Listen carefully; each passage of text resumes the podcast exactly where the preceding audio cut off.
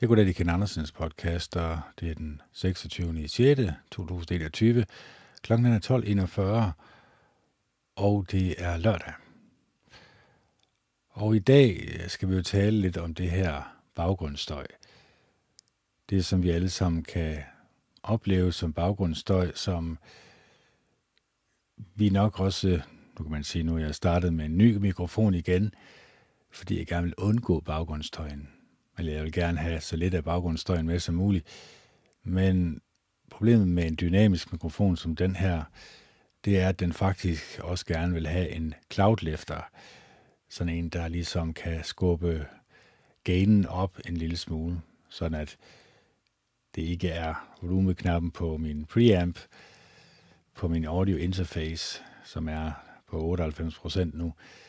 Og det kan man nok også godt høre en lille smule, desværre fordi at øh, en dynamisk kontra en kondensatormikrofon, som jeg plejer at bruge, det, der er meget stor forskel. Også øh, lydmæssigt set, man kan sige, at jo, den her, den er sådan set egentlig fin nok. Den, altså lydmæssigt set, der lyder den egentlig fin nok. Nu prøver jeg selvfølgelig også lige, at, når jeg har uploadet den, og lige lyttet efter, om det nu også er i orden.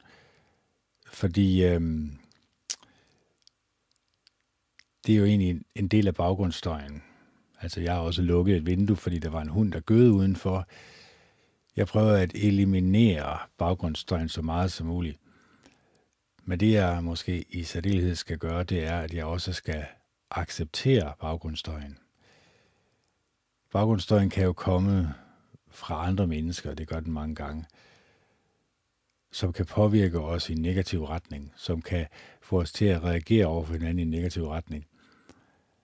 Så det er ret vigtigt, at når vi mediterer over den her uendelige kærlighed, som vi hele tiden skal søge, for at opnå fuld kontakt, fuldt øh, et fuldbyrdet, ja, det lyder også lidt dumt, men et så tæt forhold som overhovedet muligt til Jehova Gud den Mægtige. Det kræver ligesom, at vi er villige til at rense os selv, men vi er også villige til at sige nej tak til andre menneskers dårlige påvirkninger af os. Fordi det er jo ikke sikkert, at alle mennesker er på den samme rejse, som du og jeg er. Det er der nok højst sandsynlighed for, der ikke er.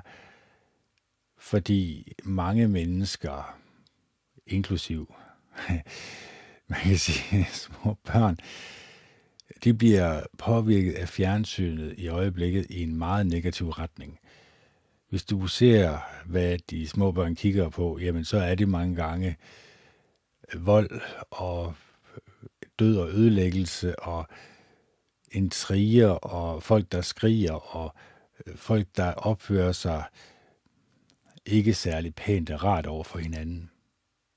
Det er det, som man har fundet ud af, virker skræmmende, men samtidig lokkende på et lille barn.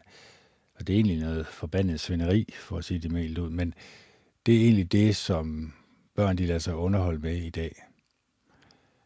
Og det er jo ikke, kan man sige, forældrene, så jo selvfølgelig har de også en del ansvar for det, altså de bestemmer jo selv, hvad deres små børn skal se.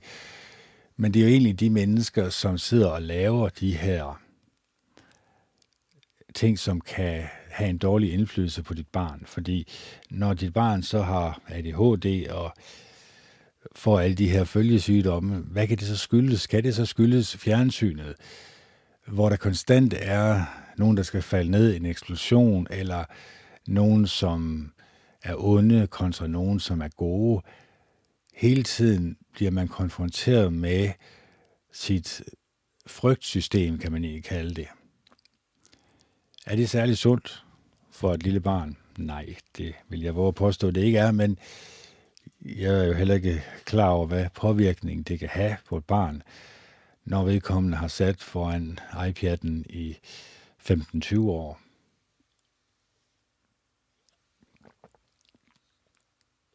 Spørgsmålet er jo, om det barn har nemmere ved at vise kærlighed og venlighed over for hinanden, eller lige det modsatte. Og der er jeg nok desværre bange for, at om 15-20 år, der, der ser menneskers personlighed helt anderledes ud, end den gør i dag. Er den blevet bedre kendt? Altså, det er jo igen, det kommer an på, hvad vi beskæftiger os med, fordi jeg, jeg har det på den måde, og det har jeg i hvert fald fundet ud af, at jo mere jeg beskæftiger mig med noget, som er opmuntrende, så noget, som er opbyggende, positiv tale, nogle mennesker, andre mennesker, som har noget positivt at sige, noget opløftende at sige,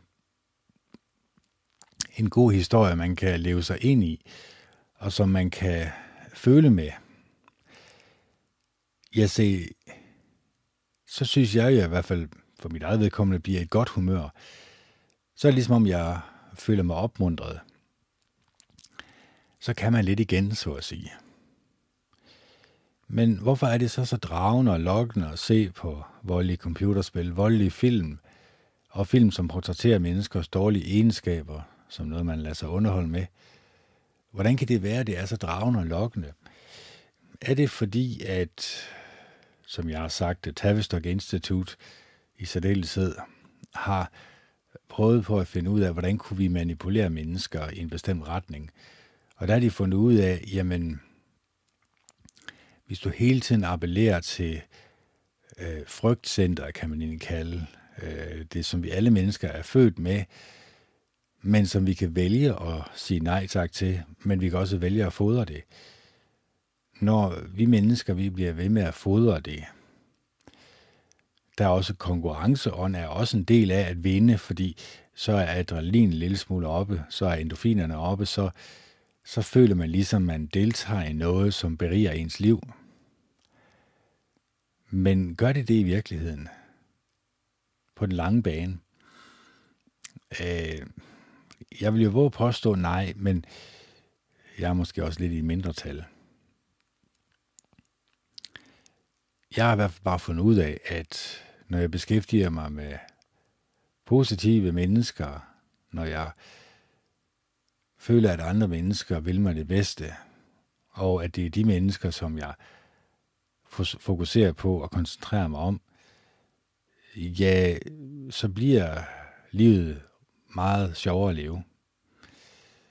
Så det skal man også være klar over. Man skal ligesom gøre sig klart, at andre mennesker omkring en har en meget stor indflydelse på en. Det kan være i god eller dårlig retning.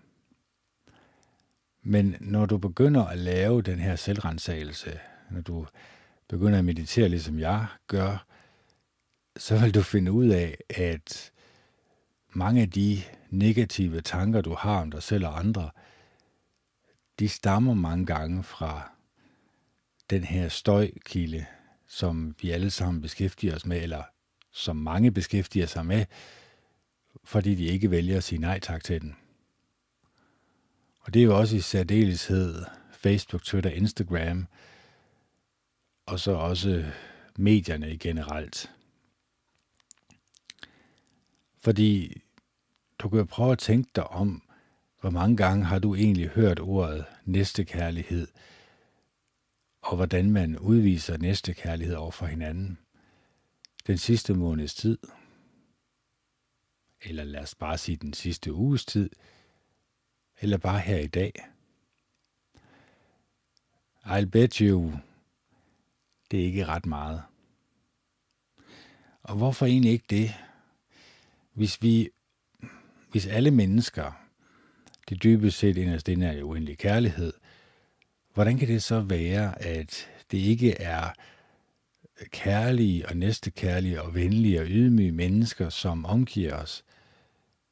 Nogen, som kan beherske sig, nogen, som tænker sig om, inden de taler, nogen, som ikke taler tankeløs og nedsættende til deres medmennesker. Ja, det har jo noget at gøre med, hvad man har valgt at fokusere på og koncentrere sig om. Og hvis man ikke har valgt at sige nej tak til bestemte negative menneskelige egenskaber, ja, så ser man jo heller ikke det som forkert. For det er jo klart, at hvis du venner med en, som, som konstant lyver for dig, jamen, de fleste mennesker vil sige, ja, det kan man godt måske tilgive et par gange, men når det så fortsætter, så ønsker man jo ikke at være ven med vedkommende længere. Men hvorfor så egentlig være ven med vores skærm? Hvis den konstant bringer os dårlige vibrationer, dårlige menneskelige egenskaber, hvorfor så egentlig blive ved med at beskæftige sig med den? Hvorfor føler vi os draget og lokket af den i en bestemt retning? Hvorfor bliver der vist had mod andre mennesker? Ja, altså den her uendelige kærlighed, den kan man jo lukke af for. Det er egentlig meget nemt og meget simpelt. Fordi når andre mennesker ikke viser uendelig kærlighed og venlighed over for hinanden, når de går med skjulte bagtanker, og når de ikke tænker som en de taler, men taler tankeløst, så vil du jo ikke som menneske vise, at du er et næste kærligt menneske, ved at have noget positivt at sige. Og det er jo egentlig lidt sjovt, det er blevet sådan, at selve gruppepresset fra verden er blevet sådan, at det at stå op for, hvad der er rigtigt, det at sige sin ærlige mening, det får en til at virke nervøs, og man føler sig nervøs. Det er jo egentlig noget underligt noget. Altså hvis jeg ved, at det at være et næste kærlighed og et rart og godt menneske, hvis jeg ved, at jeg skal opbygge og opdyrke mig selv, rense mine tanker og sørge så vidt muligt for at være så godt og et rart menneske som muligt, hvorfor er det så så svært? Hvad er det, der gør det så svært at vise de her positive følelser, som egentlig alle mennesker burde opdyrke? Det var egentlig det, vi skulle koncentrere os om. Vi kan ikke koncentrere os så meget om alt det andet skrald for skraldespanden, i særdeleshed den mainstream media, som konstant lyver over for os, fortæller os, hvad vi skal frygte, og kommer på løsningen på øh, vores øh, frygt, hvordan vi kommer ud af den.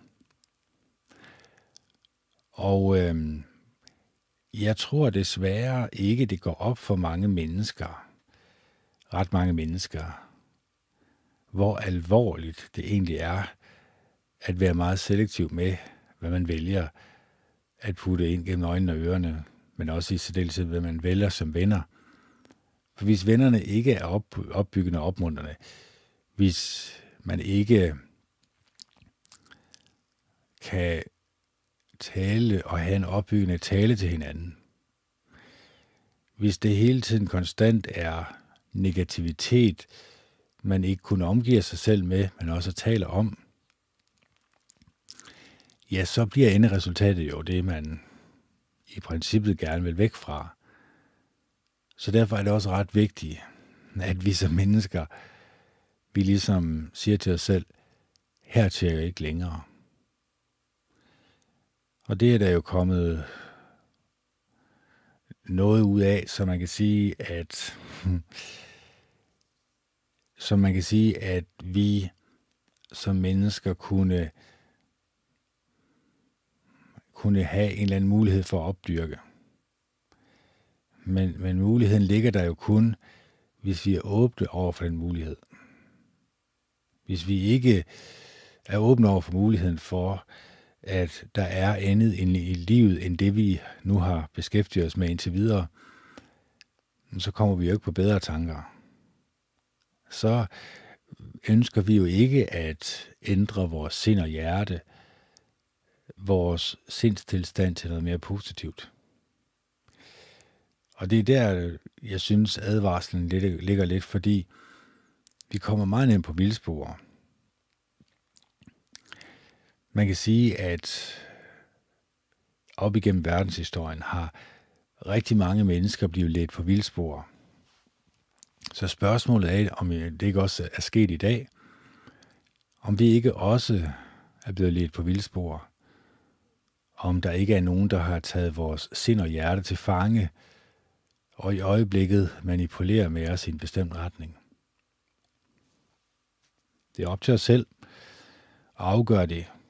For hvis du afgør, at det er der ikke, jamen, så står det jo selvfølgelig der frit til at vælge min podcast fra og beskæftige dig med noget andet. Men hvis du også godt kan se, at der er en eller anden form for manipulation, der er en eller anden form for trækken i trådene i en bestemt retning, og det er over hele jorden, det her det foregår, så må vi også prøve at finde kilden til det. Hvor opstår det henne? Er det medierne, som konstant egentlig bare gentager det, de har fået besked på at gentage? Eller er det mennesker bagved? Og det er det jo nok. Det er nok mennesker bagved, som kold og kynisk tænker, at de er bedre end andre mennesker. De er over andre mennesker. Andre mennesker er useless cattle, som man siger. De er undermennesker. Og, og hvordan kan mennesker komme på sådan et vildspor? Jamen, det har noget med magt at gøre. De fleste mennesker, når de søger magten, jamen, så har de jo gode intentioner. At de skal jo redde verden, de skal jo gøre verden til et bedre sted. Og så finder vi ud af, at så går der en år eller to, og så har de vendt på en tallerken, og vi og mener lige det modsatte af, øh, hvad de gjorde, da de gik ind i politik.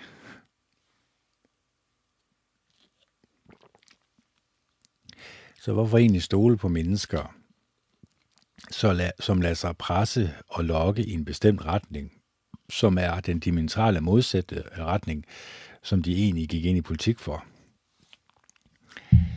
Ja, det har jo noget at gøre med, at når de kommer ind bag de lukkede døre, så får de at vide, den kommer du af den pot, eller så pisser du. Jeg forstår på den måde, at enten så gør du, hvad vi siger, eller så skal vi nok sørge for, at du kommer ud igen. Og mange mennesker siger ja tak til det her. Mange mennesker stemmer egentlig bare det samme som det, som bestyrelsen siger, at du skal stemme. Og det er jo klart, at hvis der kun er Venstre og Socialdemokratiet, og hvad er der ellers, så er der nogle små partier. Hvis de alle sammen får at vide af deres formand, at du stemmer sådan, ellers så er det ud. Og så kan de godt se den pose penge, som bliver viftet foran. Ikke også? Altså, det er jo ret rart og godt at være et folketingsmedlem. Der er mange fordele ved det så vælger rigtig mange at sige, nå ja, så stemmer jeg da bare, og så tager jeg den pose penge. Men det er jo egentlig imod kærligheden, de stemmer. De stemmer jo for mere centralisering af magt, og det ved vi godt, hvad der ender med. Det ender jo med togvogne og skorstene for enden af de her togvogne. Og hvorfor siger jeg det så barsk? Jamen det er fordi, jeg har ikke rigtig kunnet op igennem verdenshistorien finde en regering, som ikke har gjort det her.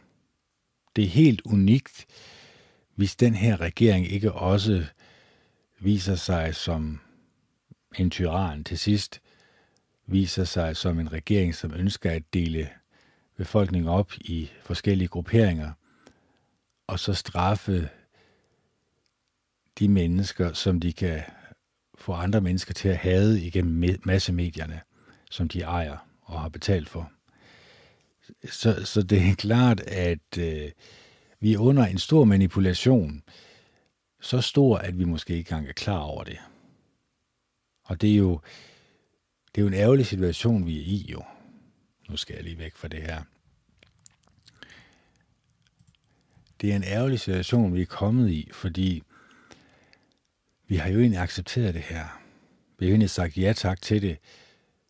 Og det ser magteliten, altså den absolut magtelite, det er den en promille af jordens befolkning, som har sat sig på magten, har sagt, sat sig på pengene, fordi de jo egentlig narrede os alle sammen til at tro, at jamen, de her penge, som vi har på vores konto, som er fiktive, dem kan vi bruge til at få mad for. Dem kan vi få tøj for. Dem kan vi få repareret vores dyt. Vi kan få lavet huset. Vi kan, vi kan gøre en hel masse ting for de her penge. Men hvordan kan det så være, at den absolut magtelite har 99,99 procent af alle penge på hele jorden? Hvorfor er ressourcerne ikke fordelt mere lige. Og det kommer aldrig til at ske selvfølgelig. Jamen, det er fordi, at de har udmærket godt været klar over, at når de har skabt de her fiktive penge, så har de kunnet manipulere med befolkningen i endnu højere grad. Så flytter mennesker, menneskerne sig i en bestemt retning, når du kan manipulere med valutaen, når du kan blive manipuleret med øh, ting, som har indflydelse på folks hverdag. Fordi når du kan se, at de reagerer, når du kan se, at øh, din, hvad kan man sige, form for action, altså det du egentlig gør som magtelite, det påvirker i den retning, som du gerne vil have mennesker til at gå i, jamen så kan du ikke kun, så, er det, så må du nødvendigvis konkludere, at du har ret, og de egentlig bare tager fejl, hvis de mener det modsatte af dig. Og, og det er jo også klart, at den her magtelite, altså magt korrumperer jo. Og det er klart, at hvis du bliver mere og mere magtfuld, så bliver du mere og mere fuld af dig selv. Du tænker nærmest som dig selv som en Gud, og andre mennesker skal behandle dig som en Gud. Og det er en farlig vej at stå på. Fordi den eneste, som egentlig fortjener tilbedelsen, det er Jehova Gud den Almægtige. Det er han, der har skabt os alle sammen, har skabt den planet, vi står på, har skabt universet med alle stjernerne, og har skabt menneskene med evnen til at vise hinanden kærlighed og venlighed.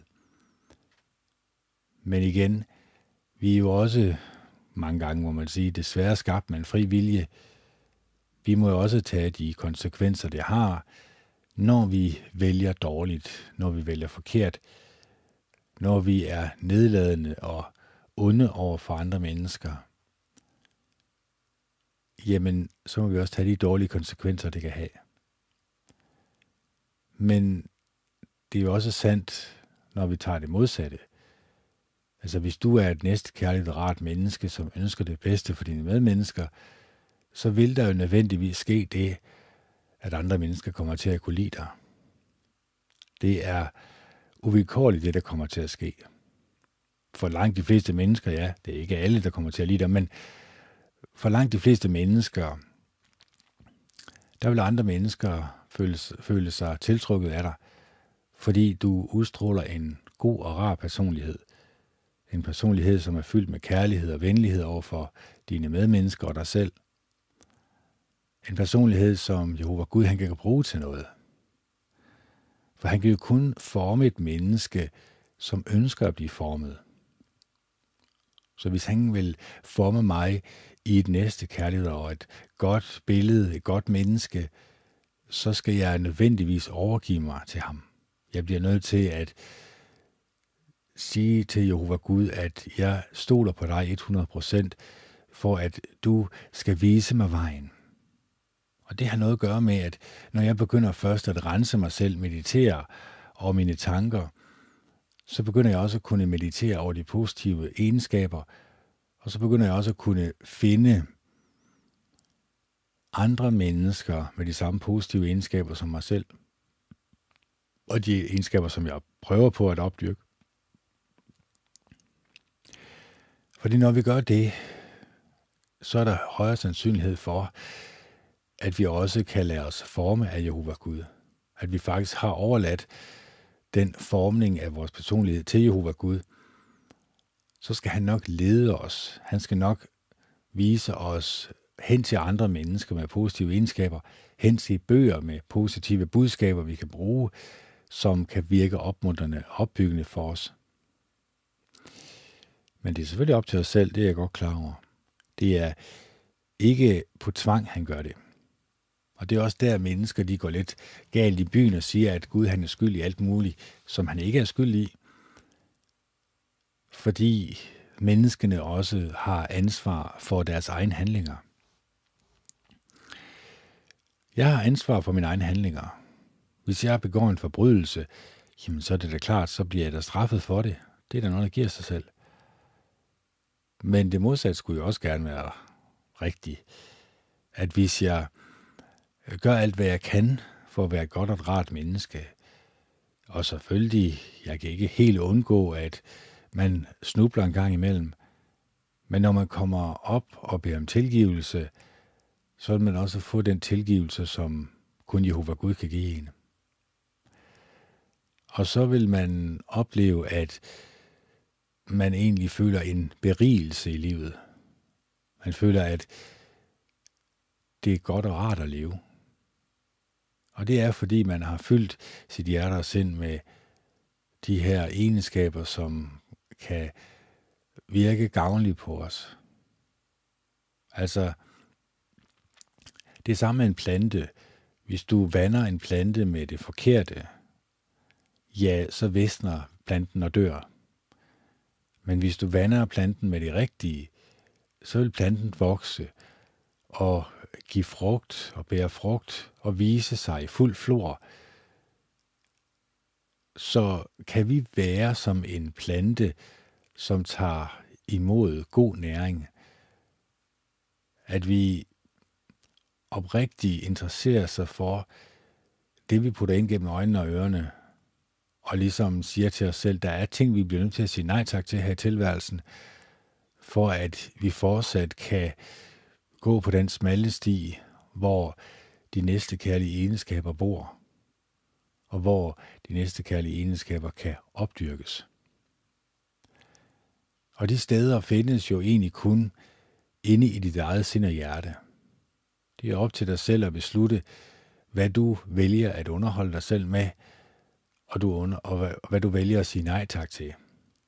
Og især det sidste, der tror jeg faktisk ikke ret mange mennesker er fuldt klar over, hvor meget det har betydning for, hvem du er som menneske, hvilket humør du er i, og hvordan du opfører dig over for dine medmennesker. Så vær villig til at ændre os. Det er nok det, som er hovedformålet med den her øh, podcast, fordi det gør jo selvfølgelig, at vi som mennesker, vi føler en eufori, når vi er sammen med andre mennesker, som er ligesindede, som på en eller anden måde også gerne vil have, at du også skal have det godt og rart. De vil gerne have, at du lytter til dem, at du viser oprigtig interesse for dem, at du ikke bare vender dig bort og ikke ønsker at vise dem din kærlige og barmhjertige opmærksomhed. Og det er også noget andet barmhjertighed. Hvad er barmhjertighed? Er det den barmhjertige samaritaner? Ja, selvfølgelig er det det. Men det er også i det små, at vi kan vise hinanden barmhjertighed. Det kan vi jo ved, at vi renser vores sind, vores hjerte, vores tanker, sådan at det bliver opmuntrende og opbyggende. Sådan at der ikke rigtig er groplads for de negative menneskelige egenskaber. Og så bliver vi nødt til at rense og luge ud en gang imellem. Og når vi renser og luger ud en gang imellem, så kan det godt gøre lidt ondt, fordi vi måske er blevet vant til nogle bestemte ting at underholde os med. Men det at sige nej tak til det, det beviser jo også over for Jehova Gud, at du ønsker virkelig at gøre det, han bryder sig om, og afvise det, han ikke bryder sig om. Så øh, det er min opfordring i den her podcast. Det er jo egentlig, at vi som mennesker er villige til at ændre os til det mere positive menneske. At vi er villige til at opdyrke vores immunforsvar, så at sige, over for den her dødelige sygdom, som andre menneskers negative følelser er, og især det, der kommer ud af skærmen. Så vær selektiv med, hvad du underholder dig med, fordi det har så utrolig meget betydning for dit humør, også for andre menneskers humør, når de møder dig. Nå, vi holder en lille pause, og så kommer jeg tilbage igen. Ja, så er jeg tilbage igen. Og klokken blev 16.17 i stedet for. Så der gik lige lidt tid. Men øh, jeg har ligesom taget fat i en bog, som jeg faktisk har læst en gang før. Den her, der hedder Lær at læse følelser og styrke din følelsesmæssige intelligens. Øhm, den har jeg sådan set gennemgået en gang, men jeg vil løbe tør for selvhjælpsfører. Jeg skulle ud og have fundet nogen i genbrugsbutikker. Men øh, ellers så øh, sidder jeg lige her for en kop kaffe. Sidder og slapper af. Sidder og keder mig. Fordi det her kedsomhed, det er jo noget af det værste for mange mennesker. Eller isolation kan man også kalde det, når man isolerer sig fra andre mennesker. Det er der mange, som vil definere som kedsomhed. Og det kan gå over i ensomhed, og det kan gå over i depressioner, sådan nogle mindre depressioner og svære depressioner. Så det vil vi selvfølgelig helst gerne undgå. Øh, og hvorfor sidder jeg nu her og snakker sådan om det her sådan lidt personlige? Øh, så har det selvfølgelig noget at gøre med, at jeg udmærker klar over, at rigtig mange mennesker føler, at nu begynder samfundet endelig at åbne en lille smule op. Og det er fuldstændig rigtigt, at det har åbnet op, men det er også lidt en underlig fornemmelse, fordi hvis man kigger på tallene, så retfærdiggør de jo egentlig ikke den her enorme frihedsberøvelse, vi mennesker vi har været udsat for. Det her enorme psykiske pres, mennesker stadigvæk er under, kan man sige. Fordi vi bliver stadigvæk bombarderet med en hel masse, en hel masse øhm, ting fra radioen og tv, som egentlig kun drejer sig om én ting, vacciner og pandemi og øh, delta-varianten og ja, der findes mange undskyldninger for,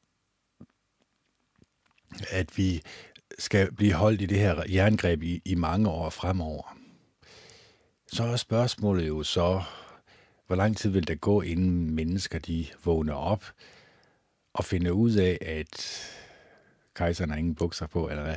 Man skal sige, at det egentlig har været en stor løgnhistorie, det hele. Eller narværk det hele. Fordi det, det, det vil de fleste mennesker ikke indrømme over for sig selv. Det er klart, fordi så skal man jo også indrømme det over for andre mennesker. Og det er noget af det værste. Men vi vil nok alle sammen komme til den erkendelse på et tidspunkt. Jeg gjorde det for 7-8 år siden, og kom til den erkendelse, at det, som er serveret for os, eller det, som vi får serveret, det er ikke altid hele sandheden. Og det har de også vist sig gang på gang. Men trods det, så accepterer vi stadigvæk dem som en autoritet, dem som bestemmer, dem som fører nationen i den rigtige retning. Selvom vi inderst inde godt ved, at det her, det, det snuser lidt af noget, som vi har hørt i fortiden, som ikke var særlig rart. Den her masse psykose, som mennesker de kommer ind under, når de bliver ved med at lytte til den samme propaganda om og om igen. Altså hvis jeg siger, lad være med at kigge, eller lad være med at tænke på en lyserød elefant, og hvis jeg gør det konstant og om igen i radio og i tv, kommer du så ikke til at tænke på en lyserød elefant? Jo, selvfølgelig gør du det. Og det har jeg også sagt tidligere med, at du kan jo prøve at væde en øl eller to med dine venner, om at inden for de næste 10 minutter, så hører vi ordet vaccine i radioen eller tv'et eller nyhederne. Og så kan man jo se efter, om, om man lige pludselig har 10 kasser øl til sin rådighed. Og det her med, at folk stadigvæk ikke indser, at det her det er en form for propaganda eller mind control, de er inde under, det er mig faktisk lidt en gåde. Altså, hvis jeg skulle læse en bog, en tyk bog, men jeg skulle blive ved med at læse det samme kapitel om og om igen, ja, så vil der måske ikke gå et år. Så vil måske ikke kun gå en måned. Ja, jeg vil nok allerede være træt efter en uge, men det er åbenbart ikke øh, tilfældet med, med, med nyhederne. Altså, mennesker er blevet så afhængige af nyheder, så afhængige og hungrende efter noget nyt og noget spændende, og så får de den samme smør om og om igen, at de egentlig ikke kan gå fra det igen. De kan egentlig ikke sige nej tak til det her. Og så ser regeringen jo det som en indikator på, at nå, jamen, så kan vi også godt gå videre med programmet. Så kan vi godt vride armen om på befolkningen endnu mere. De kan jo tage det, de kan jo lide det, så kan I lære det. Så det er sådan lidt øh, et ambivalent forhold, jeg har i øjeblikket til, øh, til nyhederne og til den vej, som nationen er på vej ud af. Fordi øh, man ser jo det her modsatte forhold, kan man sige, hvor du ser, at ham der Heunicke, han bliver fotograferet jeg tror faktisk, han fotograferer for sig selv, eller en af hans venner gør, ved den her kæmpestore landskamp, øh, samtidig med, at alle de skal vaccineres og have vaccinepas. Øh, og så er der ingen, der har mundbind eller noget som helst. Og så er der jo også fokuseret på, at uha, der var jo tre, der blev smittet med den her særlige delta-variation her. Uha, så kan det godt være, at vi kommer til at lukke ned igen. Så kan I, så kan I få maskerne, så kan I så kan I bruge dem som armbind i stedet for. Så kan man også genkende de mennesker, som skal med i togvognen, og som dem, som ikke skal. Nej, altså, vi kan hurtigt dele hinanden op i A- og B-mennesker. Det er slet ikke det helt store problem. Bliv blot ved med at lytte til det, der kommer ud gennem højtalerne. Det, der kommer igennem de statsejede medier. Og så vil lænkerne føles rigtig godt og tilpas og rar at have på.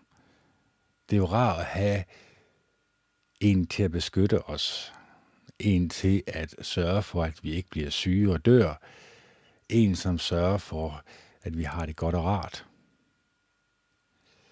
Men når vi sådan har den her knugende fornemmelse, der fortæller os, at vi faktisk ikke har det særlig godt og rart, det er faktisk ikke særlig behageligt at bo i et land, som tager befolkningens friheder fra befolkningen.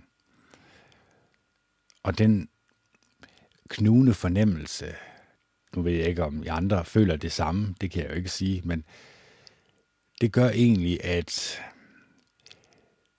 jeg kan sige, at når jeg nu mediterer over næstekærligheden og venligheden og prøver så vidt muligt at rense mit hjerte og sind, ja, så kan jeg godt se, at noget af det første, der dukker op, det kan jo ikke undgås.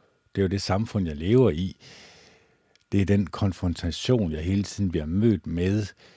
En regering, som ønsker at tage mine friheder bort fra mig, ønsker at tvangsvaccinere mig. Det er der mange, der ikke engang kan huske fra deres næste, deres røv, for at sige det mildt ud. At regeringen havde faktisk foreslået, at vi skulle tvangsvaccineres jeg forstår ikke rigtigt, at folk ikke har lavet den synke ind og tænkt, hold da kæft, det er også et, en, en ond regering, et ondt menneske, som kunne foreslå sådan noget. Der holder vi os lige fra vedkommende. Der, der bryder vi os ikke om at se hen. Vi vil ikke på nogen måde deltage i det eksperiment, det er at vaccinere så mange mennesker og inderst inde, så får vi også at vide deres tanker om os egentlig. At vi er jo ikke andet end kvæg. Vi er jo ikke andet end undermennesker, som fortjener at blive tvangsvaccineret. Og så ser jeg jo ude på Facebook, og det bliver lukket ned så hurtigt som muligt selvfølgelig, øh, børn helt ned til, jeg så et 13-årigt barn, som efter det andet stik øh, desværre gik hen og døde. Og øh, den her autopsi fortalte, at hjertet var vokset til dobbelt størrelse næsten, og der var en eller anden form for underlig væske rundt om hjertet. Og det hører man ikke om i nyhederne. De her skrækeksempler, dem hører man ikke om. Man hører kun om de gode tilfælde. Og det er, det er ligesom om, at mennesker ikke vil, vil ikke vågne op af det her. Det er ligesom om, at de har vendet sig til tyranniet. De er ligesom vendet sig til, nå, jamen, så har vi ikke de friheder længere. Så er det det, som de dikterer, vi skal gøre. Så gør vi det, fordi så øh, oplever vi jo, at de åbner samfundet op. Men I kommer til at blive meget klogere i fremtiden. Men der er det for sent. Så den her form for massepsykose, det er selvfølgelig noget, vi skal holde os fra. Det har jeg også sagt i tusindvis af gange i mine tusinder podcast. men, men folk hører jo ikke efter. Altså, de går jo bare videre med deres tilværelse, tænker ikke nærmere over det. Og så fortsætter de selvfølgelig i den retning, som de var i forvejen. Med at kigge på nyhederne, med at kigge på det statsejede medieapparatur, for at, ja, jeg ved ikke rigtig, hvad de er, de leder efter egentlig. Og det har noget at gøre med vores afhængighed af skærmen. Vores afhængighed af den her møgkælling, var jeg vil sige. Det skal man ikke sige, for det er ikke særlig pænt at sige om kvinder. Men, men i det her tilfælde, der er det jo lidt en... Ja, altså, kan jeg sige noget positivt om den her? Nu, nu er det en mobiltelefon, jeg holder op her foran en kamera, så kan I jo ikke se. Altså, den spionerer os i hoved og røv. Øh, det har jeg fortalt tidligere. Jeg var over ved naboen, talte om nogle køjkapper, og så kom jeg hjem, og så var det YouTube-video med køjkapper, jeg blev præsenteret for. Og så kan I jo godt en af stene vide med jer selv, at den selvfølgelig optår optager alle samtaler, som I har haft, siden I har fået den her mobiltelefon i hånden. Den kender vores inderste tanker, vores inderste følelser. Og er det så en, et godt menneske, eller gode mennesker, der står og trækker i trådene, der må jeg desværre sige nej. Det er kold og kyniske mennesker. Og det skal man også ligesom være klar over, når man har den her mobil i hånden, som vi alle sammen render rundt med. Den er ikke, den er ikke lavet til at gøre os lykkelige og glade. Den er ikke lavet til at øh, få os til at føle os som et øh, sammenhængende, sammenhængende menneskehed. Snart tværtimod. Den er faktisk lavet til at isolere os mere og mere fra hinanden. Og det kan jeg jo se, når jeg går ud i samfundet. Det kan jeg jo føle og mærke, når jeg kommer smilende og glad øh, og møder andre mennesker. Så er det sjældent, jeg møder et smil. Så er det øh, sjældent, jeg møder en form for livsglæde og lykke, som jeg egentlig godt kunne tænke mig, at alle mennesker de oplevede. Og det har jo nok noget med den her møgspand at gøre. Fordi har den nogensinde bringe dig livsglæde og lykke? Eller har den bragt dig tættere på dine medmennesker? Har du venner øh, kun udelukkende over telefonen, fordi det føles behageligt? Det føles behageligt at have den her følelsesmæssige afstand til hinanden. Man er jo ikke fysisk til stede. Det er faktisk et alvorligt spørgsmål, som jeg gerne vil have i overvejer, fordi det kunne godt tænke sig, at I isolerer jer endnu mere fra hinanden på grund af den her, på grund af den her mobiltelefon. Så øh, det kunne godt tænke sig, og nu ved jeg ikke, om I kan høre det. Vel, nu gik min computerfan i hvert fald i gang for, for alvor. Det er der bare ikke noget at gøre ved. Så må vi se, hvor meget den afviser baggrunden, den her mikrofon. Så det er ikke for at skræmme jer, det er ikke for at øh, få jer til at sige nej tak til jeres regering på nogen måde. Det er ikke for, at jeg skal sige, at I måske er under mind control, eller, eller I måske går i en forkert retning. Det eneste det er egentlig, jeg gerne vil have, at I tænker jer om, inden I handler. at I alvorligt overvejer jeres skridt, fordi det er jeres liv, det drejer sig om. Det er også mit liv, det drejer sig om, men jeg går jo de skridt, jeg vælger. Jeg går i den retning, jeg vælger. Men jeg prøver så vidt muligt at holde den her mobiltelefon ude af de equation, som man kan sige. Jeg, jeg tager ikke den med i mine overvejelser, når jeg vælger Øh, de ting, der gør mig lykkelig, de ting, der gør mig glad. Og det er også derfor, at jeg ikke så meget for sms'e med, med mennesker, fordi det her med at skrive til hinanden, jeg kan ikke rigtig se formålet med det. Altså, jeg har prøvet det flere gange, tro mig, men jeg føler ikke rigtigt, at jeg kan udtrykke mig selv som menneske på en ordentlig og god måde over for mit medmenneske over en tekstbesked, som bliver sendt op til en satellit, som så går videre til ned på jorden til en mobiltelefon, hvor der sidder en i enden og reagerer på et eller andet, jeg har skrevet. Jeg kan ikke rigtig se grunden til det. Andet end selvfølgelig det her med, at vi følelsesmæssigt har en afstand til hinanden. Og det er jo igen det der med følelser. De fleste mennesker vil helst ikke øh, opleve følelser, for det skræmmer dem. Fordi så går det for tæt på. Så kommer mennesker, øh, som egentlig kunne være et rart bekendtskab, for tæt på. Og så holder man selvfølgelig en afstand, fordi det er klart, uha, det er ikke godt det her. Det er ikke behageligt. Eller det er jo egentlig ikke for, at det er behageligt, det er, eller ubehageligt. Det er jo fordi, at det er noget, som vi ikke er vant til. Hvis vi nu var vant til hver fredag og lørdag og søndag at mødes rigtig mange mennesker og tale med hinanden og få en kop kaffe øh, op i forsamlingshuset, som man gjorde i gamle dage.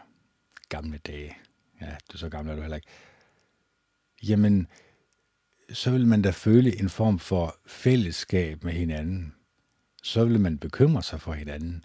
Så vil man tænke over hinanden. Og man vil også række ud til hinanden.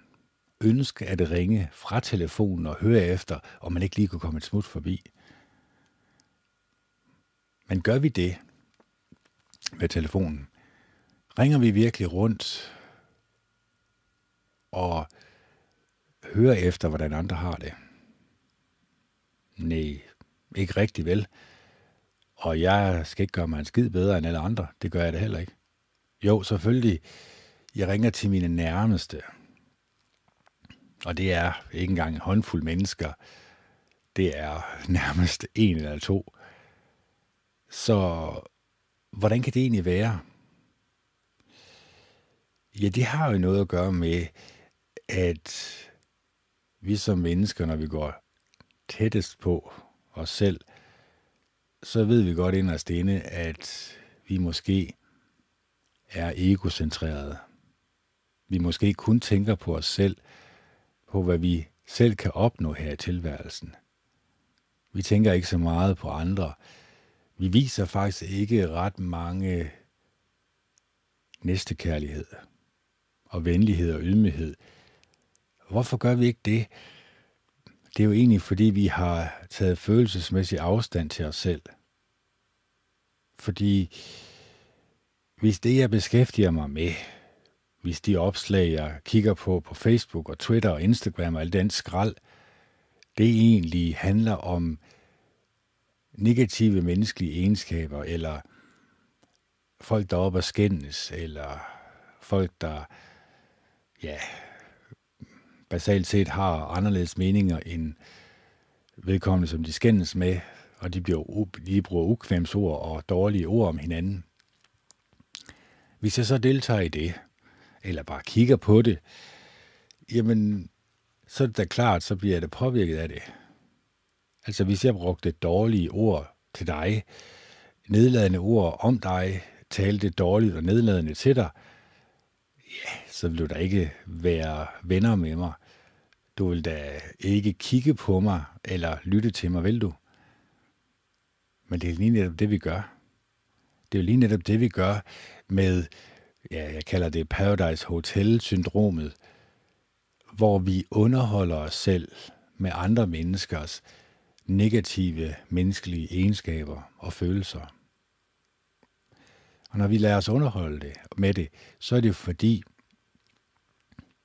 at vi selvfølgelig ikke selv ønsker at opleve det. Det er klart. Vi vil gerne opleve det på afstand. Vi vil gerne se, at andre mennesker lider følelsesmæssigt, øh, psykisk. Og det er også forkert af os, ikke? Men er det ikke det, vi gør? Altså, den underholdning, som jeg kan se, som jeg desværre nogle gange bliver præsenteret for, og jeg kigger så fuldt hurtigt væk igen, det er jo egentlig nedladende. Det er jo egentlig noget, som vi ikke selv ønsker, at vi bliver udsat for. Men hvorfor ønsker vi så, at andre mennesker skal udsættes for det? Det er også sådan nogle spørgsmål, som jeg egentlig synes er godt en gang imellem at stille sig selv, fordi det får dig følelsesmæssigt i kontakt med dig selv. Du kommer egentlig til at stille dig nogle spørgsmål, som er ubehagelige, og så, nej, det, nej, det, nej, nej, nej, det, det gider vi slet ikke at høre på. Så skifter vi videre til en anden kanal, fordi det er meget, meget bedre at blive ved med at lade sig underholde med alt det her nedladende, det her dårlige underholdning, som man kan kalde det. Og det er op til jer selv jo. Altså, jeg tvinger jer ikke nogen til at afvise dårlig underholdning. Det er jo sådan set alt, alt underholdning, kan man egentlig kalde det. Ja, selv bagdysten. Ja, selv X-Factor. Ja, selv Vild med Dans. Fordi det handler jo om, at mennesker skal krænge sig ud. De skal vise, at de dur til noget. Og hvis de ikke viser, at de dur til noget, jamen så har vi jo ret til, så har vi hunderetten, så at sige. Så kan vi tale dårligt om, nej, så du den der knold der, han, han danste helt håndsvag. Nej, ikke også? Ej, ja. Eller den der kage, der blev bagt der. Nej, puha, der var salt i den kage der. Uh, det da. Det var da godt nok forfærdeligt der. Jamen lad mig da virkelig bare lige skrive en, et læserbrev og Altså, det er de menneskelige negative egenskaber, som vi beskæftiger os med som mennesker. Det kan vi lige så godt indrømme over for os selv. Fordi før vi gør det, ja, så kan vi i hvert fald ikke arbejde på os selv. Så ønsker vi i hvert fald ikke at arbejde på os selv. Og øh, det er igen det, jeg bare skal sige, men jeg fortæller jo egentlig bare, hvad jeg observerer. Nu har jeg jo lige nu håber jeg selvfølgelig, at lodningen den holder det, så det også ud til at gøre.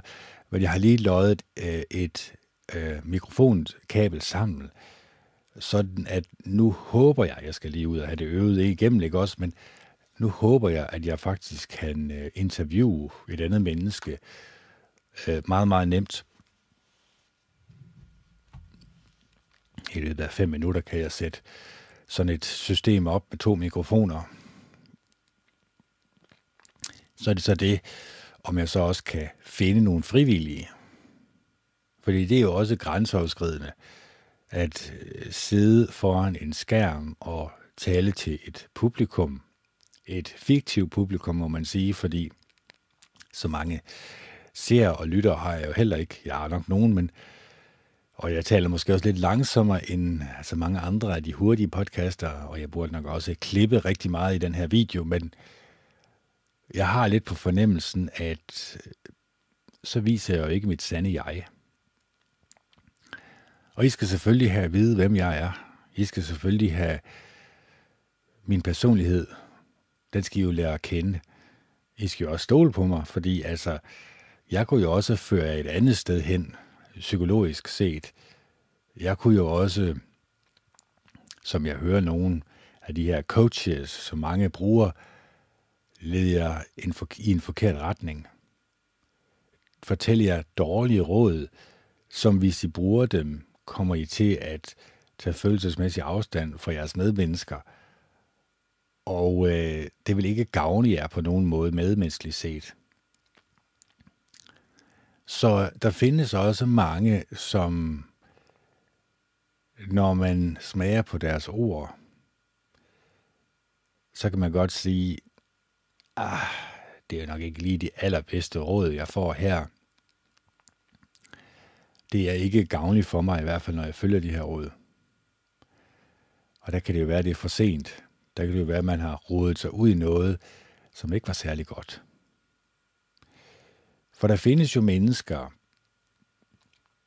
desværre derude, øh, som er kolde og kyniske, som er meget beregnende, som er utrolig egocentrerede, narcissistiske, men også nærmest psykopatiske.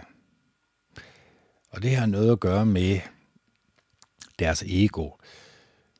Også at de egentlig kun tænker på sig selv, og ikke på andre mennesker. De ønsker at berige sig på andre menneskers bekostning. De ønsker at få skovlen under andre mennesker. Og sådan nogle mennesker skal man selvfølgelig holde sig fra. Men tror I, man kan sådan se det på dem? Tror du, man kan høre det på dem, når man taler med dem? Nej, ikke nødvendigvis. De kan jo godt være rigtig gode til at manipulere med os. De kan være rigtig gode til at tale for deres syge moster, som man siger. Så dem skal vi selvfølgelig holde os fra. Vi skal være på vagt over for, over for andre mennesker, men vi skal selvfølgelig også være næstekærlige og venlige og imødekommende. Hvordan hænger det sammen, Kent? Det er to modstridende øh, følelser. Det er to modstridende menneskelige egenskaber. Hvordan skal vi få det til at hænge sammen? Jeg forstod forstået på den måde, at jeg kan jo ikke gå rundt kold og kynisk til mine medmennesker og tænke dårligt om dem og tænke, at de ønsker at få skovlen under mig. Men jeg kan jo være på vagt over for mennesker, som jeg ønsker at lære at kende, eller de ønsker at lære mig at kende, for ligesom at finde ud af, jamen, hvad indeholder de i virkeligheden? Er det virkelig nogle venner, der er værd at samle på? Det står jo sort på hvidt. Dårligt selskab ødelægger gode vaner. Så hvis du kommer ind i en god vane med at beskæftige dig med gode og positive mennesker, med gode og positive egenskaber, som har noget positivt at sige, og du føler, at de beriger dit liv, så har du større mulighed i hvert fald for at sige nej tak til mennesker med knap så gode og rare egenskaber. Og så kan man også meget, meget hurtigere spotte dem. Så kan man meget, meget hurtigt sige, nå ja, bum, den lægger vi lige i baghovedet, den der. Så ved vi godt, det er mennesker, vi i hvert fald ikke skal opnå et nært venskab med, fordi de er ubehagelige i deres måde at opføre sig over på for andre og for deres medmennesker. Så kommer det helt automatisk, at så tager man afstand fra et medmenneske. Og jeg ved godt, der står i Bibelen, at vi skal selvfølgelig elske vores fjender, som vi elsker os selv. Vi skal i endnu højere grad vise vores fjender øh, kærlighed. Selvfølgelig skal vi det. Men vi skal selvfølgelig også tage afstand fra mennesker, i hvert fald af deres dårlige personlighedstræk. Og hvis de dårlige personlighedstræk overskygger for meget det medmenneskelige i dem, jamen, så er min råd selvfølgelig, at man holder sig fra dem, det er klart. At man er selektiv med sine venner. Hvorfor har du ingen venner kendt? Jamen, det ved jeg ikke. Det kan være det, fordi jeg er selektiv med, hvem jeg vælger som venner. Fordi jeg regner jo med, at andre mennesker ønsker det bedste for mig, fordi jeg ønsker det bedste for dem. Men jeg har gang på gang blevet skuffet. Også meget skuffet. Og jeg egentlig har opdaget, at mange mennesker, de har en eller anden form for dårlig personlighedstræk, som de gang på gang viser frem øh, som deres hovedattraktion, kan man kalde det. Og øh, når man først opdager det, så er det nemt at afvise, det er klart. Men hvis man ikke lige er klar over det, så kan man hurtigt blive narret med ind på den. Så kan man hurtigt komme på vildspor. Og så mange gange så opdager man først for sent, at de her menneskers negative egenskaber, hovedegenskab eller negativ hovedegenskab, den er faktisk så dårligt, at den faktisk har gjort dig ked af det, og har gjort dig forvirret, og har gjort, at du måske endda er kommet i tvivl om menneskers medmenneskelighed. Og det er jo lidt trist, når det er sådan, at andre menneskers dårlige egenskaber kan påvirke os så meget. Så derfor er det bedst at meditere sig ud af det. Derfor er det bedst, at vi som mennesker, når vi møder andre menneskers dårlige personlighedstræk, at vi så afviser de dårlige personlighedstræk. Og det er selvfølgelig også noget af det sværeste, man kan gøre, det er jeg godt klar over. Men ikke desto mindre vil det hjælpe gevaldigt på dit og mit humør, når vi ikke beskæftiger os med disse mennesker. Fordi igen, som jeg siger, den påvirkning, som skraldespanden har, er så enormt vigtig, at vi bliver klar over. Vores opvækst har selvfølgelig også meget at gøre med vores personlighed. Vores hovedegenskab, hvad vi viser frem, det har også meget at gøre med vores fortid. Det ved jeg udmærket godt, at hvis vi har haft en meget dårlig barndom, jamen okay, så kan det godt være, at vi er blevet meget kolde og kyniske over for vores medmennesker, fordi det har vi oplevet fra vores forældre, eller fra vores plejeforældre, eller øh, fra nogen, som har behandlet os dårligt i fortiden, det er klart. Så har vi egentlig gjort deres dårlige påvirkning, eller deres dårlige personlighed, til en del af vores personlighed i vores voksenliv. Og det er der altså selvfølgelig andre mennesker, der godt kan opfatte. Det er der mennesker, som godt kan fornemme. Og derfor bliver der selvfølgelig holdt en følelsesmæssig afstand øh, til andre mennesker. Så det er utrolig vigtigt, at vi bliver klar over, at, og det har jeg sagt tusindvis af gange, det ved jeg godt, at vi mennesker, vi bliver nødt til at bruge klogskab over for de mennesker, som vi omgiver os med.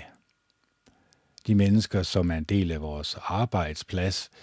De mennesker, som vi ønsker at være nære venner med, men som på en eller anden måde hele tiden afviser vores venskab, hele tiden øh, søger øh, at få skovlen under os, eller hele tiden søger at tale dårligt om os, eller finde dårlige ting om os det er mennesker, vi selvfølgelig ikke kan være nære venner med. Det er klart.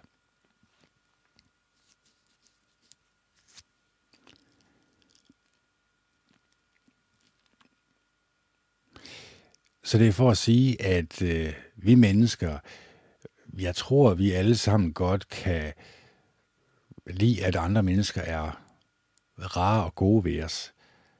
At de ikke viser de her dårlige menneskelige egenskaber over for os.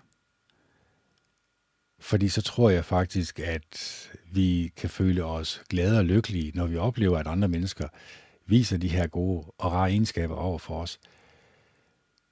Så derfor er det jo også vigtigt, at vi har en tilgivende ånd. Og det er der meditationen, mener jeg, jeg kommer meget ind i billedet, fordi den hjælper os til at lade andre menneskers dårlige egenskaber, lad dem fare væk. Lad dem fare bort fra vores sind og hjerte. Lad os i stedet for fokusere og koncentrere os om positive mennesker, som vil os det bedste. Så tror jeg, at det bliver meget rarere at leve her på jorden. Så tror jeg, at det bliver dejligt at stå op hver morgen og tænke på, at jeg er der omgivet af gode og rare og næstekærlige mennesker, som vil mig det bedste, og som går rundt med positive tanker om sig selv og andre, så kunne det godt tænke sig, at det faktisk bliver et rart sted at leve. Men det er op til os selv jo. Det er op til os selv, hvad vi vælger at lade os blive påvirket af. Lad, lad, os, lad vi også blive påvirket af negative mennesker. Og det må jeg desværre indrømme, at det kan jeg også godt gøre. Altså, jeg kan godt blive påvirket af menneskers negative menneskelige egenskaber. Det kan vi alle sammen. Og så går vi rundt og har en rigtig dårlig dag, fordi andre mennesker har en dårlig dag eller en dårlig personlighed.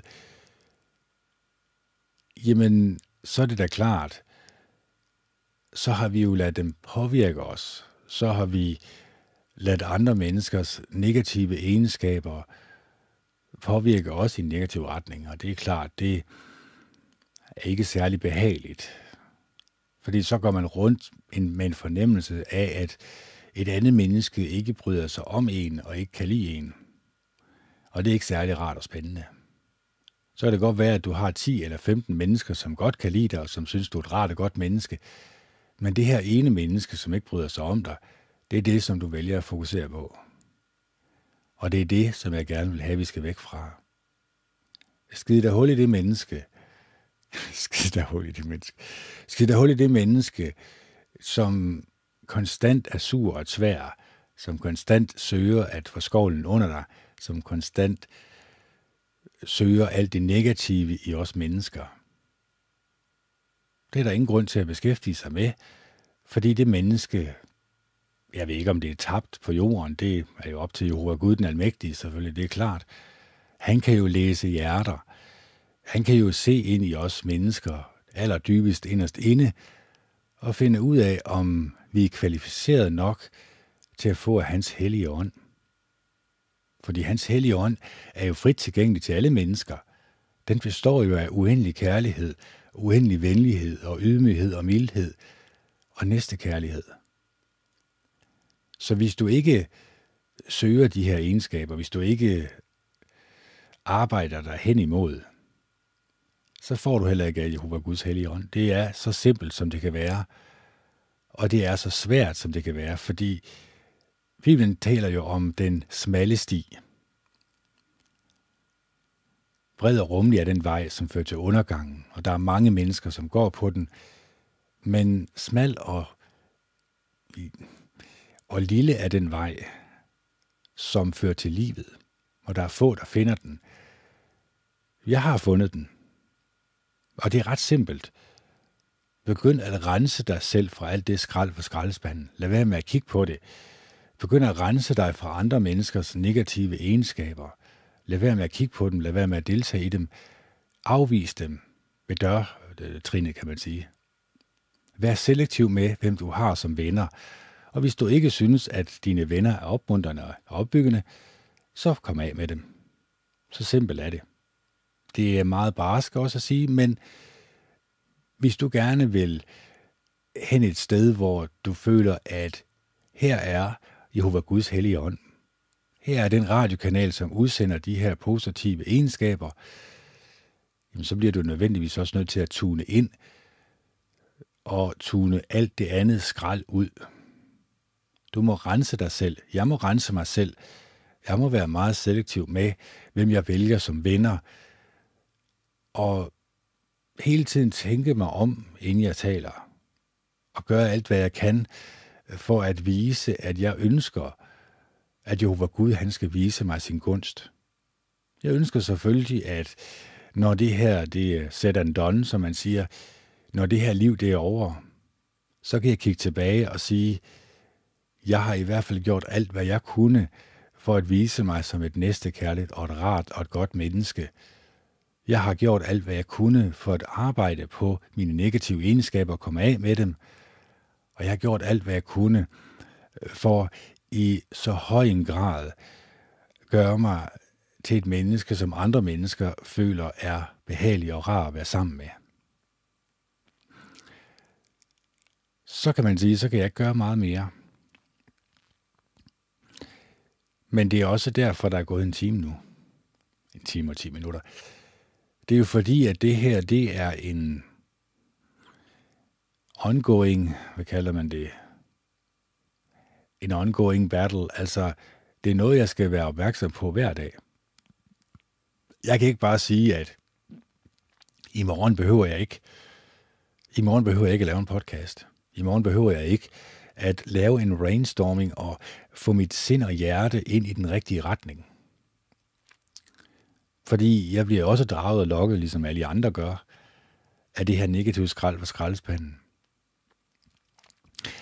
Så det er også derfor, det er meget vigtigt for mig at øh, pointere, at min podcast er ikke for alle. Det, det er noget, der giver sig selv. Der vil være nogle mennesker, som føler, at jeg går for tæt på. Jeg er for meget, og at jeg ikke taler ud fra et sandt hjerte. Men det mener jeg, jeg gør. Jeg mener ikke, at jeg sugarcoater noget. Jeg mener ikke, at jeg lægger fingre imellem. Jeg prøver selvfølgelig, så godt det er mig muligt, at øh, tale opmuntrende og opbyggende til jer. Prøve at sige til jer, at I selvfølgelig fortjener, at andre mennesker viser jer kærlighed og venlighed og ydmyghed og mildhed, når jeg også selv udviser de her positive egenskaber.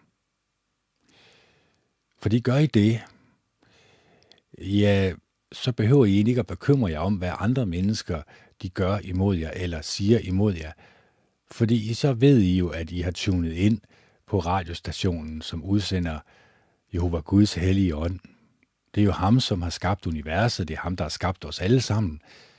Altså alle 7 milliarder mennesker, vi stammer jo alle sammen fra et æg og en sædcelle, som stammer fra et æg og en sædcelle, som stammer fra et æg og en sædcelle osv. osv. Det vil jo sige, at vi stammer fra noget, som kunne placeres på toppen af knappenlunds hoved. Ja, det kunne så også placeres på toppen af knappenlunds hoved, det er vores far og vores mor. Det kunne så også placeres på toppen af knappenlunds hoved, det er vores bedste far og bedstemor. Og så videre og så videre. Det ser jeg jo som rimelig intelligent lavet, derfor må der være en intelligent skaber bag. Hans navn er Jehova Gud, den mægtige, skaberne af universet, i besiddelse af uendelig kærlighed og venlighed og ydmyghed og mildhed, så det er ham, vi skal søge hen til. Og når vi søger hen til ham og finder ham, så vil han også velsigne os. Så vil han også gøre alt, hvad der står i hans magt, og hans magt er uendelig, for at vise os, at han virkelig elsker os, når vi elsker ham, og vi elsker vores næste. Så det her med, at det egentlig bare er sådan noget, man lige gør, lige knipser med fingrene, det, det kommer ikke til at ske. Det her, det er øh, nok en af de øh, største stykker arbejde, I kan tage øh, på jer. Den største opgave, I kan tage på jer. Men det er også den vigtigste opgave. Fordi når I har renset jeres sind og hjerte, når I har sagt nej tak til alt det for skraldespanden, og når I har omgivet jer med positive og rare mennesker, som vælger det bedste, og som altid ønsker det bedste for sig selv og for andre, det vil sige er villige til at arbejde på sig selv, ja, så er det klart, så bliver I også lykkelige og glade. Så får I også livskvalitet ind i jeres liv. Så øh, det er ret vigtigt, at vi som mennesker, vi bliver klar over, hvordan vi skal opføre os over for hinanden, for at modtage Jehova Guds hellige ånd. Fordi vi får jo alle sammen en opstandelse. Altså, vi kommer alle sammen til at dø. Sådan er det jo bare. Det er livets vilkår. Men vi får jo også alle sammen en opstandelse. Har vi nogensinde tænkt over, hvad kommer der til at ske med os, når vi dør og får en opstandelse? Når vi vågner op og ser Jehova Gud den Almægtige, ser hans enborne søn Jesus Kristus, ser de 144.000, hvad, hvad, hvad har vi så at sige? Hvad står der i den bog, som bliver åbnet? Det står der også i Bibelen, at hvert menneske bliver dømt alt efter sine gerninger, altså hvordan man har opført sig i det her liv. Så håber jeg selvfølgelig, at jeg har opført mig pænt og ordentligt og rart over for mine medmennesker. Jeg har gjort alt, hvad jeg kunne øh, for at vise mig som et godt og et rart menneske.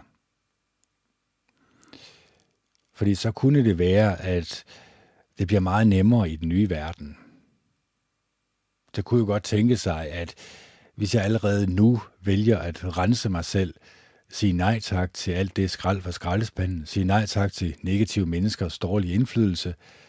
Så kunne de godt tænke sig, at de mennesker, som jeg møder i den nye verden, allerede er næstekærlige og venlige og rare og gode mennesker, og mennesker, som ønsker det bedste for mig, mennesker, som jeg ikke hele tiden skal være mistroisk over for og tænke dårligt om, eller øh, tænke, at de måske ønsker at få skovlen under mig, eller taler dårligt om mig.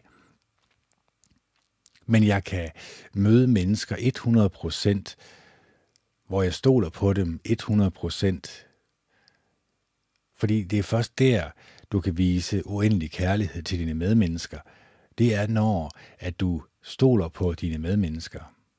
Og det er jo lidt svært at gøre i øjeblikket, når mennesker øh, nærmest konsumerer skraldespanden i endnu højere grad. De, som jeg siger med at kigge på dårlig underholdning, underholdning, som har med de negative menneskelige følelser at gøre, så er det jo svært for mig at sige, at jeg ikke skal passe på. Så er det jo svært for mig at sige, at de her mennesker, dem skal du holde dig fra. For det er et dårligt selskab. Selvfølgelig, det skal I da altid. I skal da altid være meget selektiv med, hvem I vælger som venner. Så vælg med omhu. Tænk jer om, inden I vælger. Det har man jo lov til at gøre. Man har jo lov til at lægge, lægge planer om, hvilket valg man tager her i livet. Tager man de rigtige og korrekte valg her i livet, er man velovervejet i sine valg, jamen så kan, eller så er der i hvert fald større mulighed for, at resultatet bliver gunstigt for dig. Så kan det tænke sig, at du er glad for, at du viste, at du var velovervejet, inden du tog de her beslutninger for dit liv. Fordi så viser du jo, at du har tænkt dig om, inden du tog den her beslutning. Du har tænkt dig om, inden du talte, og i særdeleshed, så har du vist skaberen, at du også viser dig som et næstekærligt og rart menneske. Og også et velovervejet menneske. Uha, uha, så kom vi så langt. Jeg skal lige have en mundfuld vand her, kan jeg mærke.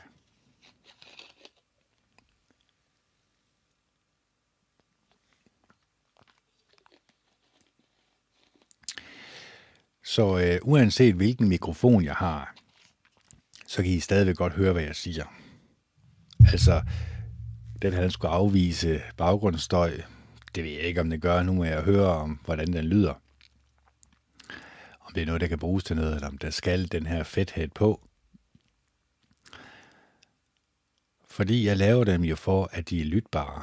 Jeg laver dem jo for, at jeg håber, at I, som lytter med, får noget ud af det. I også kommer til at tænke grundigt over jeres eget liv, fordi det er kun jer, der kan leve det. Jeg kan jo ikke leve jeres liv for jer, så derfor er det ret vigtigt, at man er velovervejet. At jeg som menneske, når jeg nu har valgt at tage en uddannelse, at jeg så også kan se udfordringerne, men også se det som en glædelig udfordring. Og jeg kan se enderesultatet, at jeg bliver udlært som smed, når jeg er færdig. Så det håber jeg selvfølgelig også, at I gør, når I overvejer, hvad I vil tage uddannelse, hvilken vej I vil vælge. Fordi jeg håber selvfølgelig, at I også i jeres liv tager nogle gode beslutninger, som har positiv indflydelse på jeres liv. Nå, vi skal videre i teksten, kendt, fordi jeg bliver ved med det her kørende rundt og skidt og kanel. Vi skal lige have lidt fra øhm, positiv, nej, den her, lær læse følelser. Ah. Se her.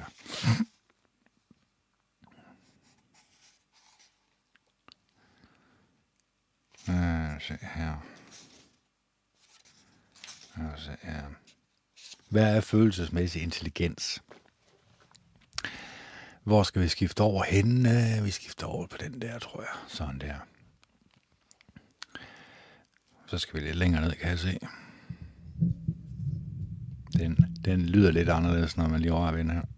Mm. Jamen altså. Hvad er følelsesmæssig intelligens? Din følelsesmæssige intelligens er sat sammen af tre færdigheder. Evnen til at forstå dine følelser, evnen til at lytte til andre og vægte deres følelser, og evnen til at udtrykke følelser konstruktivt. At være følelsesmæssig intelligens er at være i stand til at håndtere følelser på en måde, som øger din personlige magt og øger kvaliteten af livet omkring dig. Følelsesmæssig intelligens forbedrer forhold, skaber mulighed for kærlighed mennesker imellem, gør samarbejde muligt og befordrer følelsen af samdrægtighed. Vi har alle noget at lære om vores følelser. Nogle mennesker vokser op med en høj følelsesmæssig intelligens, men jeg tror, at kun få er så kvalificerede på det følelsesmæssige område, som de burde være. Vi begår alle følelsesmæssige fejl, og derfor kan vi drage nytte af en form for opøvelse i følelsesmæssig intelligens. Som lærer i følelsesmæssig intelligens gennem mange år har jeg hjulpet i hundredvis af mennesker til at forøge deres følelsesmæssige intelligens. Jeg har set det udtalte ubehag, som de fleste mennesker, ikke mindst mænd, i begyndelsen udviser, så snart ordet følelser bliver udtalt. Mænd frygter ofte, at dybtlæggende og smertelige hemmeligheder på en eller anden måde vil blive sat fri, hvis de gør udtryk for deres følelser. Ofte tror folk, at en opøvelse af den følelsesmæssige intelligens vil medføre et tab af kontrol og magt i deres personlige og professionelle liv. Der er et vist belæg for frygten for, at en løsning af vores følelsesmæssige blokeringer kan give os problemer. Men følelsesmæssig intelligens handler ikke blot om at frisætte følelser. Det er lige så vigtigt at forstå, at eller undskyld, det er lige så vigtigt at lære at forstå, bearbejde og kontrollere dem. Følelser eksisterer som en fundamental del af den menneskelige natur. Uden dem vil vi være psykopater. Ved at anerkende og bearbejde vores følelser og lytte til andre på en konstruktiv måde, vil vi fremme snarere end begrænse vores personlige magt – at være følelsesmæssig intelligens betyder at vide, hvilket følelser du selv og andre har, hvor stærkt de er, og hvad der ligger til grund for dem. At være følelsesmæssig intelligens betyder, at du ved, hvordan du skal bearbejde dine følelser, fordi du forstår dem.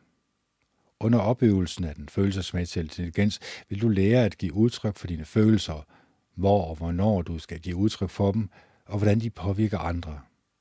Du vil også lære sand indlevelse og at tage ansvar for den virkning, dine følelser har på andre. Gennem denne træning vil du blive en følelsesmæssig gourmet, opmærksom på dine følelsers kvalitet, smag og, bis og bismag. Du vil lære at lade dig, eller du vil lære at lade dine rationelle evner arbejde hånd i hånd med dine følelsesmæssige evner, og dermed bidrage til din evne til at omgås andre mennesker – du vil således blive bedre til alt det, du foretager dig med andre, som forældre, som partner, som kollega, når du leger, underviser og elsker. Vi bør alle deltage i en eller anden form for træning i følelsesmæssig intelligens, fordi følelsesmæssige fejl er så almindeligt forekommende og så destruktive.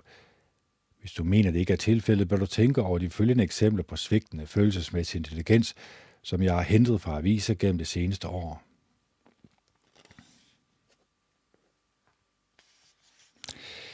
Da orkesterlederen Ken Baker fra Virginias Thomas Jefferson Skole fik overragt anden præmien ved en konkurrence for alle orkestre i staten, smed han præmien i skraldespanden. Skolens inspektør begyndte at diskutere med dommerne, i det han hævdede, at hans orkester havde fortjent førstepræmien.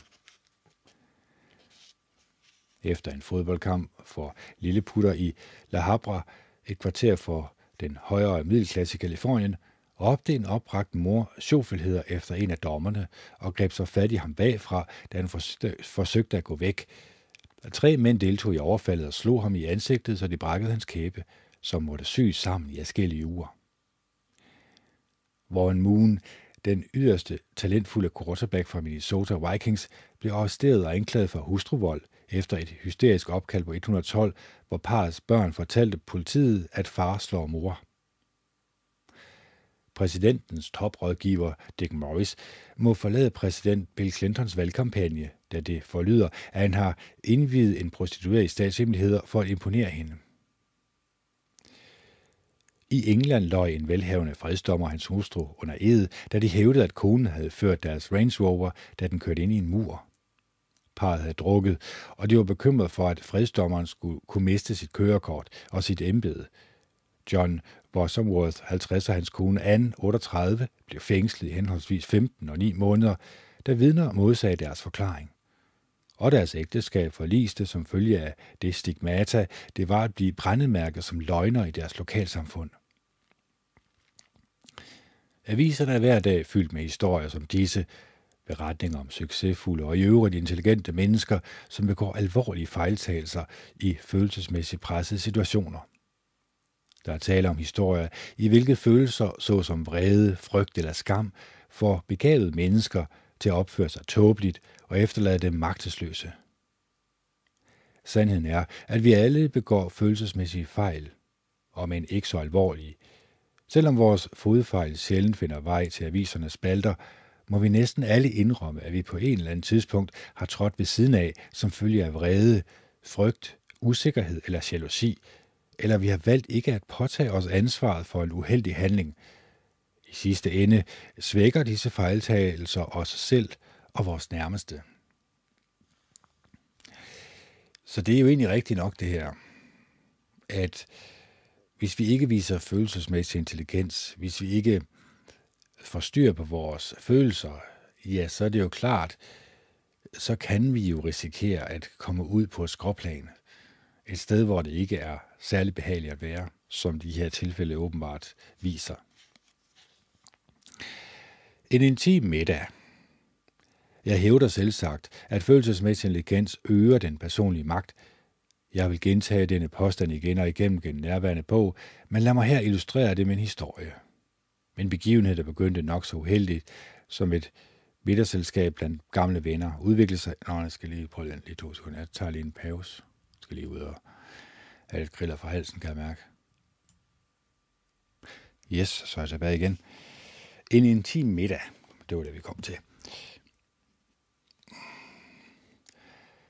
Jeg hævder selv sagt, at følelsesmæssig intelligens øger den personlige magt. Jeg vil gentage denne påstand igen og igen gennem nærværende bog, men lad mig her illustrere det med en historie.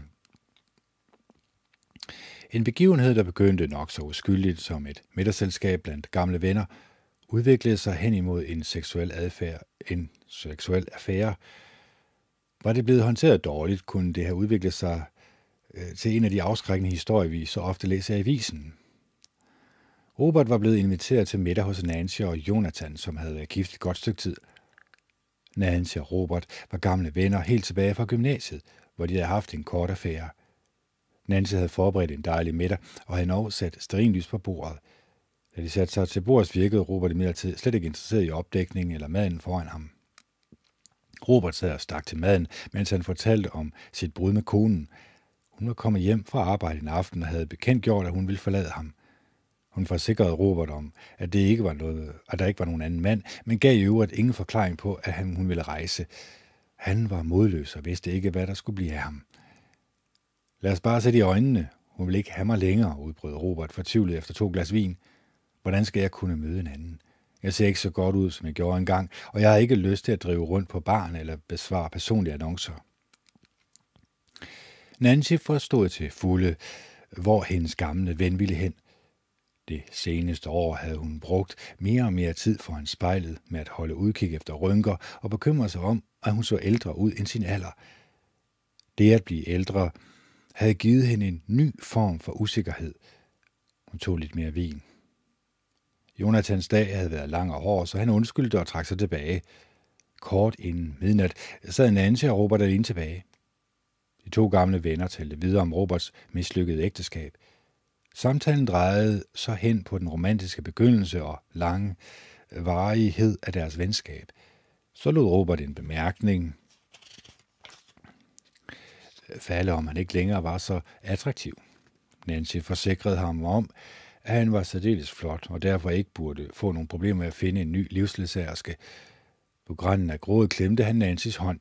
Hun flyttede over på sofaen og omfavnede ham. Så mødte så mødtes deres kinder og læber, og pludselig sad de og kyssede. Stop, sagde Nancy, vi burde ikke gøre det her. Robert rejste og rystede. Jeg må hellere gå, sagde han, og gik hen mod døren for skamfuldt til at kigge på Nancy.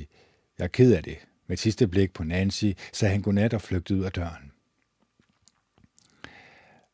Tab af almindelig sund fornuft. Nancy sov urolig. Næste morgen lå hun vågen og tænkte længe, inden hun fortalte sin mand, hvad der havde fundet sted.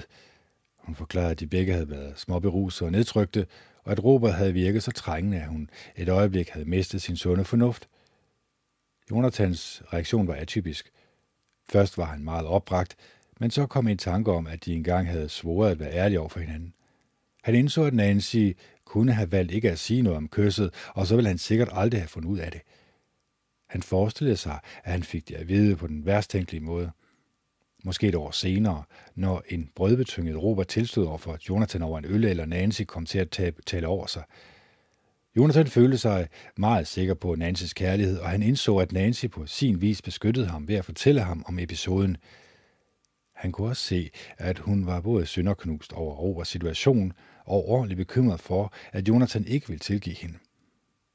Han erkendte ligeledes, at Nancy havde været usikker på grund af sit udseende og var sårbar over for Roberts opmærksomhed. Skønt hans første følelse var vrede, indså han, at det ikke ville bedre situationen at løse problemet, hvis han lavede en scene. Faktisk ville han snarere gøre en mindre episode til en større kløft og dermed skade sit ægteskab. I stedet for at eksplodere af vrede eller give efter for jalousi, forsøgte han at forstå Nancys handling fra hendes synsvinkel. Han fortalte Nancy om sin vrede og jalousi, og i det han fik sat ord på, hvordan han var til mode, var han i stand til at overvinde sine følelser. Han lagde armen om Nancy og gav hende en varm omfavnelse. Så kørte han over til Roberts lejlighed efter at have forklaret, hvad han havde til hensigt. Nancy har fortalt mig, hvad der skete, sagde han, da han satte sig på sofaen i Roberts stue. Jeg bryder mig ikke om det, men jeg kan forstå det. Jeg er ikke vred. Jeg går ud fra, at det var en fejltagelse, og det ikke vil ske igen, vel? Det godeste nej, forsikrede Robert. Jeg er meget ked af det. Fint nok, sagde Jonathan og rakte sin hånd frem. Jeg går ud fra, det hele så er i orden. Historier som denne ender for det mest ulykkelige, som ofte forbliver følelsesmæssige fejltagelser som denne en dyb hemmelighed, som undergraver alle implicerede parter. Hvis sandheden kommer frem af udgangen, sommetider en konflikt, verbal eller fysisk, som medfører værkede følelsesmæssige sår, der ofte resulterer i skilsmisse. Det er de færreste, der som Jonathan stopper op og tænker sig om, i det han beslutter sig for en reaktion ovenpå en så følelsesmæssigt belastende oplysning. Og dog var Jonathan i stand til at tale om og redde sine følelser ud, og så holde dem i skak, indtil han kunne udtrykke dem på en konstruktiv måde, og dermed forhindrede, at hans liv gled ud af kontrol. Resultatet af det følelsesmæssige intelligens og ordskifte blev, at Jonathan og Nancy fandt en dybere respekt for hinanden, og var i stand til at åbne en dialog om deres forhold, som i sidste ende styrkede deres ægteskab. Det fik dem ikke til at føle sig ubeskyttede, når de gav sig til at tale om deres følelser. Det gav dem tværtimod en fornyet fornemmelse af personlig magt og tiltro til deres forhold. Det hjalp dem til at blomstre som par og satte dem i stand til at fastholde venskabet med Robert. På mange måder definerer denne historie selve essensen af følelsesmæssig intelligens – Jonathan indså, at han var bred og jaloux, og han forstod årsagen til sine følelser. Han havde også forståelse for Nancys hengivenhed over for Robert og for hendes ønsker om at trøste ham. Jonathan begreb, at hun var smiret af Roberts lidenskabelige opmærksomhed. Dertil kom, at han havde følelsesmed, eller dertil kom, at han havde medfølelse med Roberts forstemthed og frygt for at blive alene. Da først han havde forstået sine følelser, var Jonathan i stand til at kontrollere sin trang til at lange ud. Endelig erkendte Jonathan også vigtigheden af at holde et løfte om fuldstændig ærlighed mellem Nancy og ham selv. Alt dette krævede imidlertid færdigheder, som nogle mennesker udvikler tidligt i livet, men som vi alle kan lære på et hvilket som helst tidspunkt. At afsætte tid til at lære sig disse færdigheder er at trakte efter følelsesmæssig intelligens. Så øh,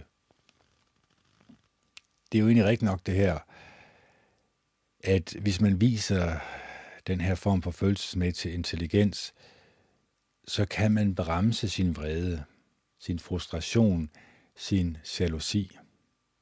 Og så kan man jo måske endda redde et forhold. Men i langt de fleste tilfælde, der kan det ikke reddes. Der er skaden jo allerede sket.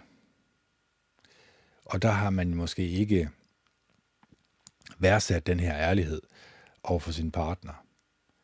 Så det er også derfor, det er måske ret vigtigt, at, det kommer vi nok også ind på, at hvis du har en kæreste, du holder af, jamen så skal man nok holde nogle samtaler, minimum en time om ugen, måske endda to timer om ugen, hvor man sidder ned og taler til hinanden og prøver at finde ud af, hvor man følelsesmæssigt er i forholdet, sådan at man ikke går forbi hinanden. Så det vil jeg også opfordre jer til, hvis I er par, at sætte tid af til at tale til hinanden og være åbne over for hinanden. Også når det bliver svært. Også når der er nogle ting, der er svære at tale om. Nå, vi holder en pause igen her, så kommer jeg lige tilbage igen. Jeg kan mærke, at min ryg den er også ved at være der. Yes, så er jeg tilbage igen. Øh, vi kom til det glemte hjerte. De færreste mennesker vil reagere, som Jonas han gjorde i overstående historie. Hvorfor?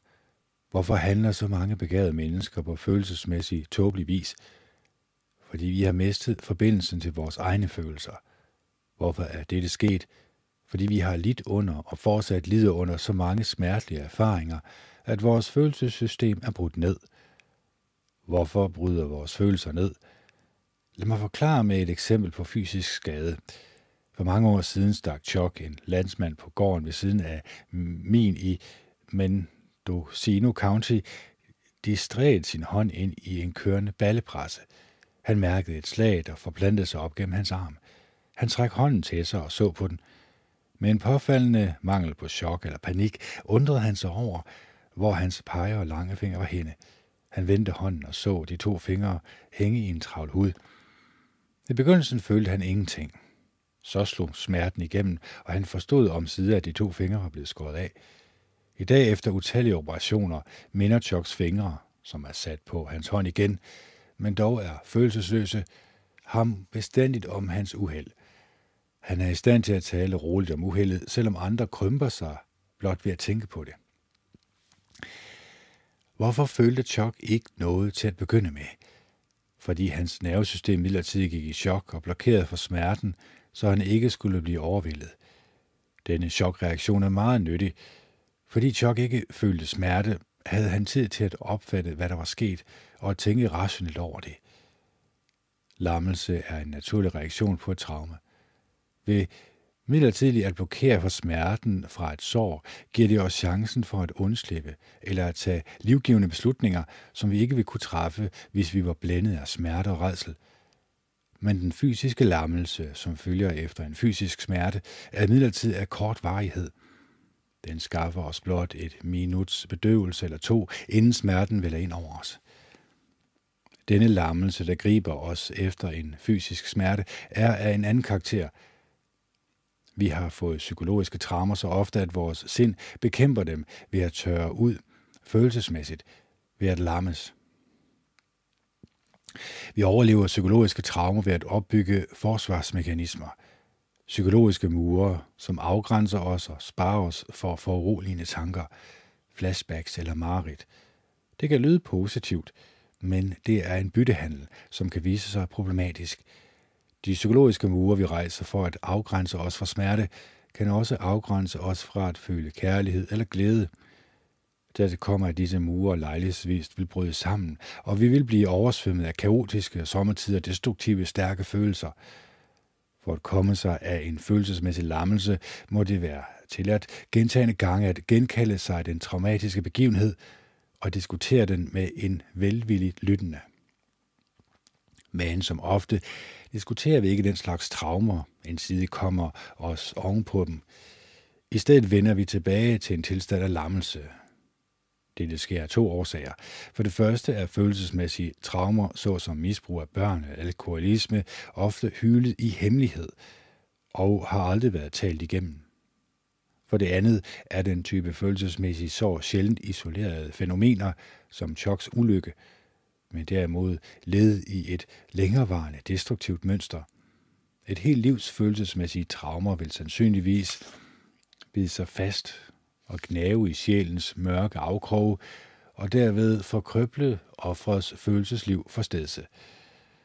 Mine mange års observationer har opvist mig om, at flertallet af os lever i en tilstand af halvpermanent følelsesmæssig chok, som til stadighed næres af genkommende smertefulde oplevelser, og at vi har mistet forbindelsen med hovedparten af vores følelser. Vi glemmer de traumatiske tilskriv, eller vi glemmer de traumatiske tilskikkelser, som så den skal vi, igen. Vi glemmer de traumatiske tilskikkelser, husker ikke længere, hvordan det føles, og vi kender ingen, som er indstillet på at lytte tålmodigt og velvilligt i tilstrækkelig lang tid til at få det hele ret ud. Følgelig går vi igennem livet følelsesmæssigt bedøvet, med de fleste af vores følelser lukket nede i brystet og permanent uforløst i en umælende og umodtagelig verden.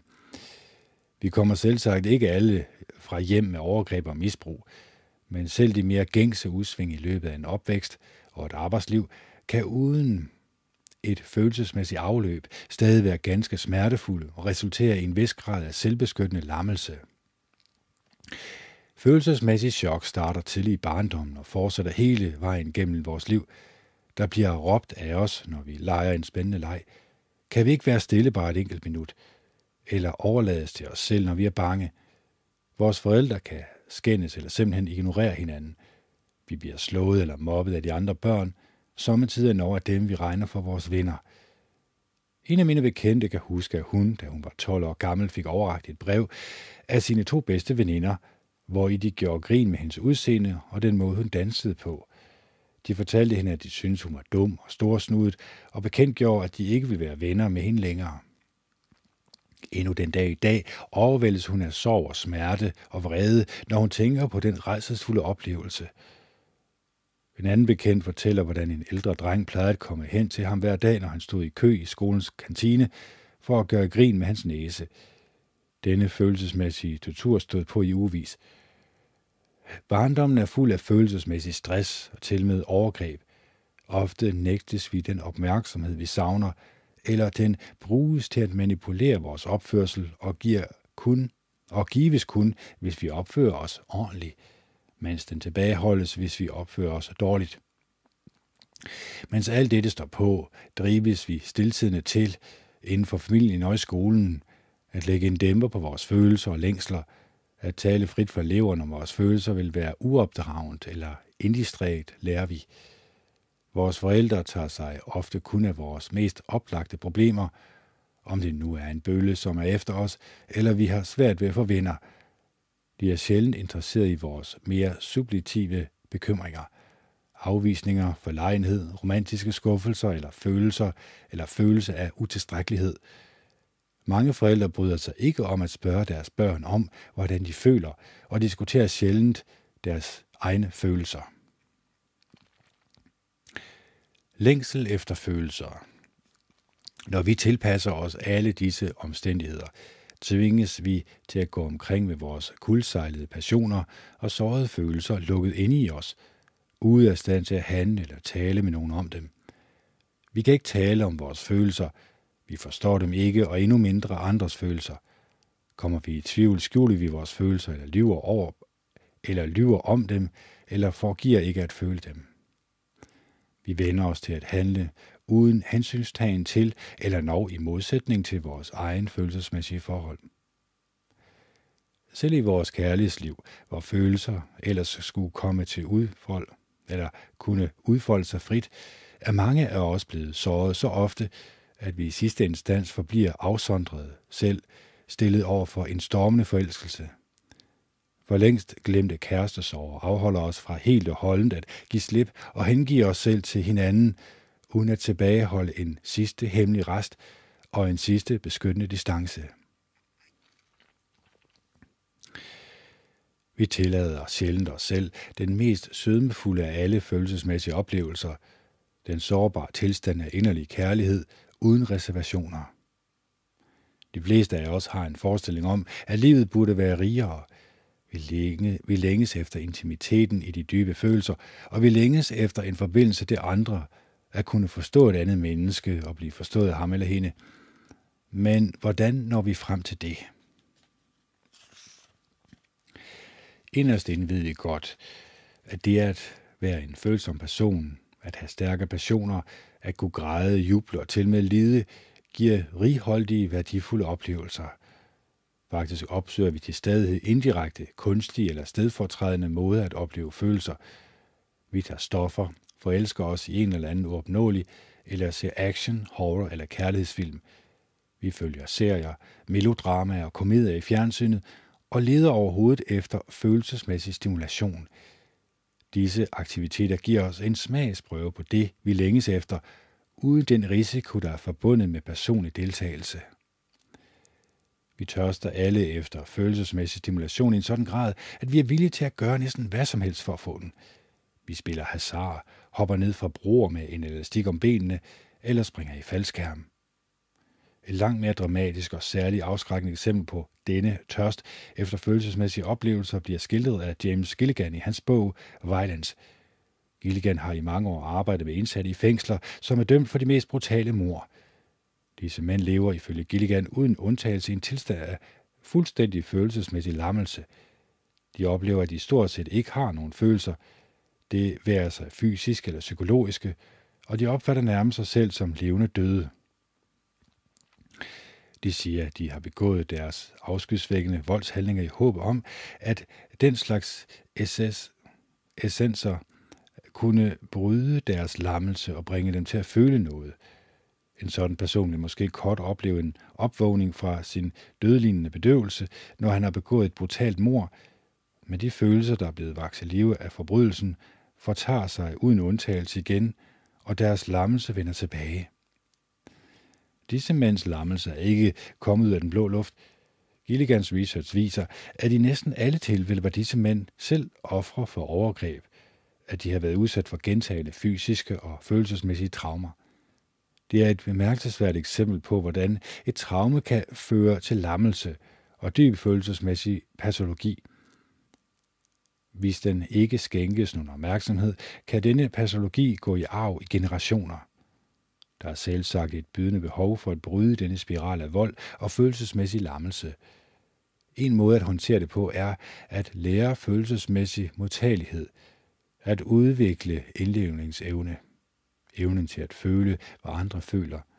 Beslutter vi at indstille os på at erkende andres følelser, så foretager vi et definitivt moralsk valg, som giver os mulighed for at være medfølende og omsorgsfulde. Så medfølgende og omsorgsfulde. Det ønsker vi jo alle sammen gerne at være. Men er det sådan, at vi ikke rigtig tør at komme i kontakt med vores følelser? Fordi vi måske gang på gang har oplevet, at det er blevet afvist. Og også, at vi måske har oplevet noget i vores barndom, som ikke har været så godt som har givet os nogle følelsesmæssige traumer. For det tror jeg rigtig mange har. Det har forfatteren jo her også konkluderet, at vi i mere eller mindre grad går rundt som følelsesmæssige zombier. Vi kan godt være, at vi higer efter, at andre mennesker skal elske os og vise os opmærksomhed og være lyttende, men vi ønsker ikke den følelsesmæssige rutsjetur, det kan give og så holder vi afstand. Vi gør egentlig også det, som der bliver sagt her med, vi udskifter egentlig det her følelsesliv, som vi egentlig kunne have haft, hvor vi var i kontakt med vores følelser, med det, der sker i skærmen, eller det, der sker på skærmen. Vi udskifter det egentlig med de her, som jeg siger mange gange, negative menneskelige følelser, fordi at lade sig underholde med dem, det er jo egentlig lidt det samme som, jeg kan sige, det er det samme som psykopaten gør her, men forstå mig ret, han gør jo det, at han begår et mor for ligesom at komme ud af den her følelsesmæssige lammelse. Men det er kun en, en midlertidig løsning. Fordi det bygger egentlig bare endnu mere øh, på hans psykopati, kan man kalde det. Han kommer aldrig ud af det igen. Så det er også derfor, at man egentlig heller aldrig rigtig kommer ud af det med fjernsynet. Eller er meget svært ved at komme ud af det med fjernsynet, fordi man på en eller anden måde desværre føler en følelsesmæssig forbindelse til sit fjernsyn, til de mennesker, som er skuespillere, eller til de ting, som kan stimulere vores følelser. Og det var det, som jeg sagde med Paradise Hotel-syndromet. Den her form for underholdning, som er ledladende, og som vi ikke egentlig inderst inde bryder os om. Fordi det har ikke noget med næste kærlighed og venlighed at gøre. Så det kan godt være, at et af del af, en del af problemet ligger i, at vi som mennesker er blevet følelsesmæssigt involveret i vores skærm, mere end vi er følelsesmæssigt involveret i vores medmennesker. Og det kan jeg også skrive under på. Det har jeg også oplevet for mig selv, for mit eget vedkommende, og jeg kan også se det på andre mennesker, at det her med, at man går rundt og lader sig underholde, at den her form for underholdning, det er aldrig rigtig underholdende. Det er aldrig rigtig berigende. Det er kun tomme kalorier. Altså, det er da meget sjovt at se på en Spørg Kasper-video, eller nogle af de andre, hvor de åbner Pokémons, eller, eller hvad det nu gør. Men er det noget, som beriger os på nogen måde? Nej, det er jo egentlig vores følelser, vi bliver prikket til i en lille grad, sådan at det lige præcis er nok til, at vi ikke ønsker at grave dybere ned. Og så bliver vi egentlig bare på overfladen. Vi kommer aldrig nogensinde til at dykke lidt længere ned og kigge, hvad der ligger dybt i os, og få de ting bearbejdet, og så komme videre med vores liv. Så vi går egentlig rundt som følelsesmæssige zombier, som der bliver sagt her. Og det er selvfølgelig også for at sige, at det er jo ikke sådan, at vi ikke viser hinanden næste kærlighed og venlighed og kan smile til hinanden og være glade. Men jeg tror desværre, at vi har overladt vores følelsesliv til skærmen.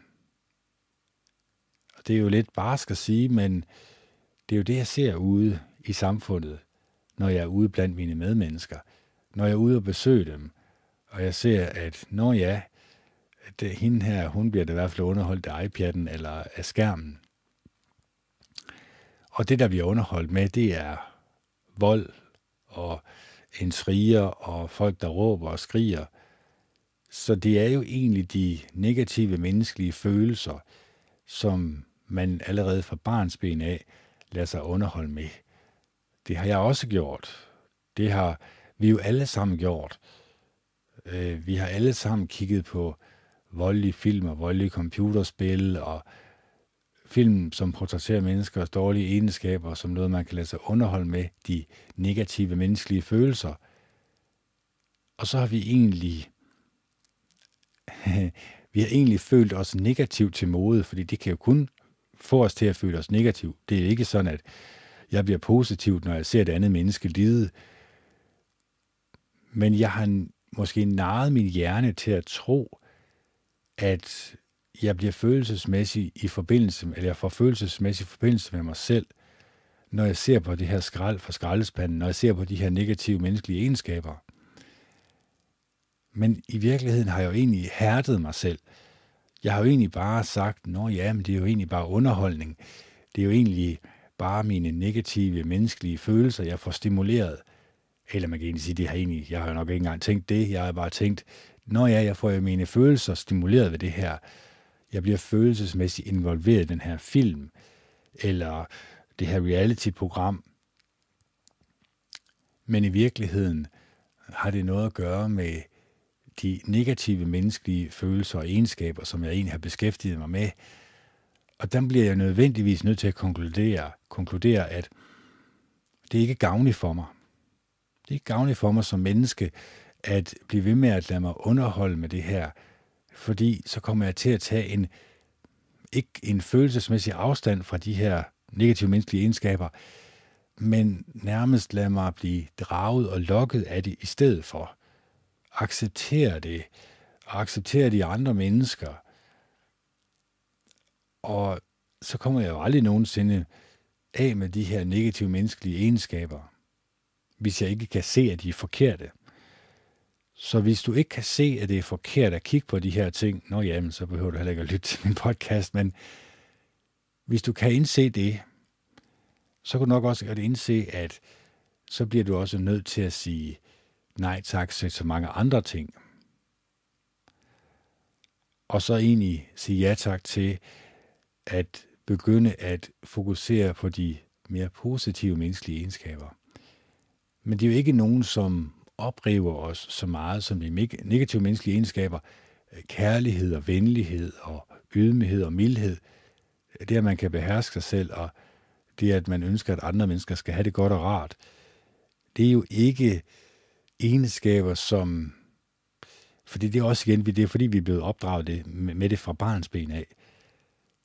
Så kan vi ikke rigtig se, at det egentlig er de følelser, vi skulle have i stedet for, fordi vi er blevet bombarderet to eller tre millioner gange siden barns ben med de negative menneskelige følelser.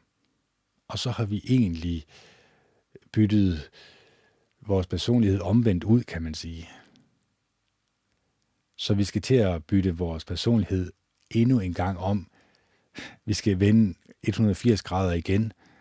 Og det kan godt være svært, fordi det er vi ikke vant til som menneske. Det har vi jo ikke været vant til. Vi har været vant til at lade os underholde med negativ skrald fra skraldespanden. Så det skal vi lade være med. Det skal vi holde op med. Når vi indser det, så begynder vi at kunne gå på en sti, som gør os mere næstekærlige og venlige. Som får os oprigtigt til at tænke på os selv som næstekærlige og rare mennesker. Mennesker, som kan forbedre sig selv, mennesker, som kan sige nej tak til skrald her på skraldespanden, kan sige nej tak til sig selv, som der står i Bibelen. Fordi øjnenes begær, ørenes begær, det vi bliver draget og lokket imod, det er ikke sikkert, at det er gavnligt for os. Det er ikke sikkert, at vi bliver glade og lykkelige af det. Snart tværtimod. Så derfor håber jeg selvfølgelig her på faldrevet, at I også vil gå på den smalle sti, der fører til livet, og som kunne få os til at føle en form for forbindelse til hinanden, en næstekærlig, en rar fornemmelse indvendig, en god fornemmelse for hinanden. Den her forbindelse kunne jo vokse til uendelig kærlighed til hinanden, hvor vi stoler på hinanden, og hvor vi er der for hinanden, og hvor at vi venter til den nye verden, med at, eller vi ikke venter til den nye verden til at opleve de her vidunderlige ting, men allerede starter nu med at arbejde på vores egen personlighed, så vi kan forbedre vores personlighed til det bedre, fordi så bliver livet bedre at leve. Det bliver mere rar og behagelig, vi kommer jo til at blive lykkelige mennesker af det her. Uha, det er forfærdelige, en forfærdelig tanke at tænke på, var. Men lad os starte i dag. Lad os starte med at vise den her næste kærlighed til hinanden. For når vi gør det, så viser vi jo egentlig også skaberen, at vi ønsker at komme med i båden. Vi ønsker, at der skal skrives noget godt om os i livets bog, at når vi får opstandelsen fra de døde, så vågner vi op til andre mennesker, som også har de samme positive egenskaber, som vi også opdyrkede allerede nu i dag, lige nu og her. Så jeg håber, podcasten var gavnlig for jer. Jeg håber, at den kunne bruges til noget. Jeg håber, at I er gode og rare ved hinanden. I elsker hinanden og at I er parate til at meditere over de her positive menneskelige egenskaber, og så komme fri fra de negative menneskelige egenskaber, og sige nej tak til skrald fra skraldespanden. Fordi så tror jeg nemlig, at I begynder at blive et bedre humør. så begynder I at føle den her forbindelse til hinanden. Så føler vi, at vi har en forbindelse til hinanden. Og det er den medmenneskelige og næstekærlige forbindelse, som vi kan opdyrke, ikke kun nu, men også i den nye verden, som kommer meget, meget snart. Så med disse ord vil jeg ønske jer en fortsat god dag og god aften. Ja, det er Kenneth Andersen, der signer off. Det er den 26. i 6. 2021. Klokken er 18.08, og det er lørdag. Hej hej.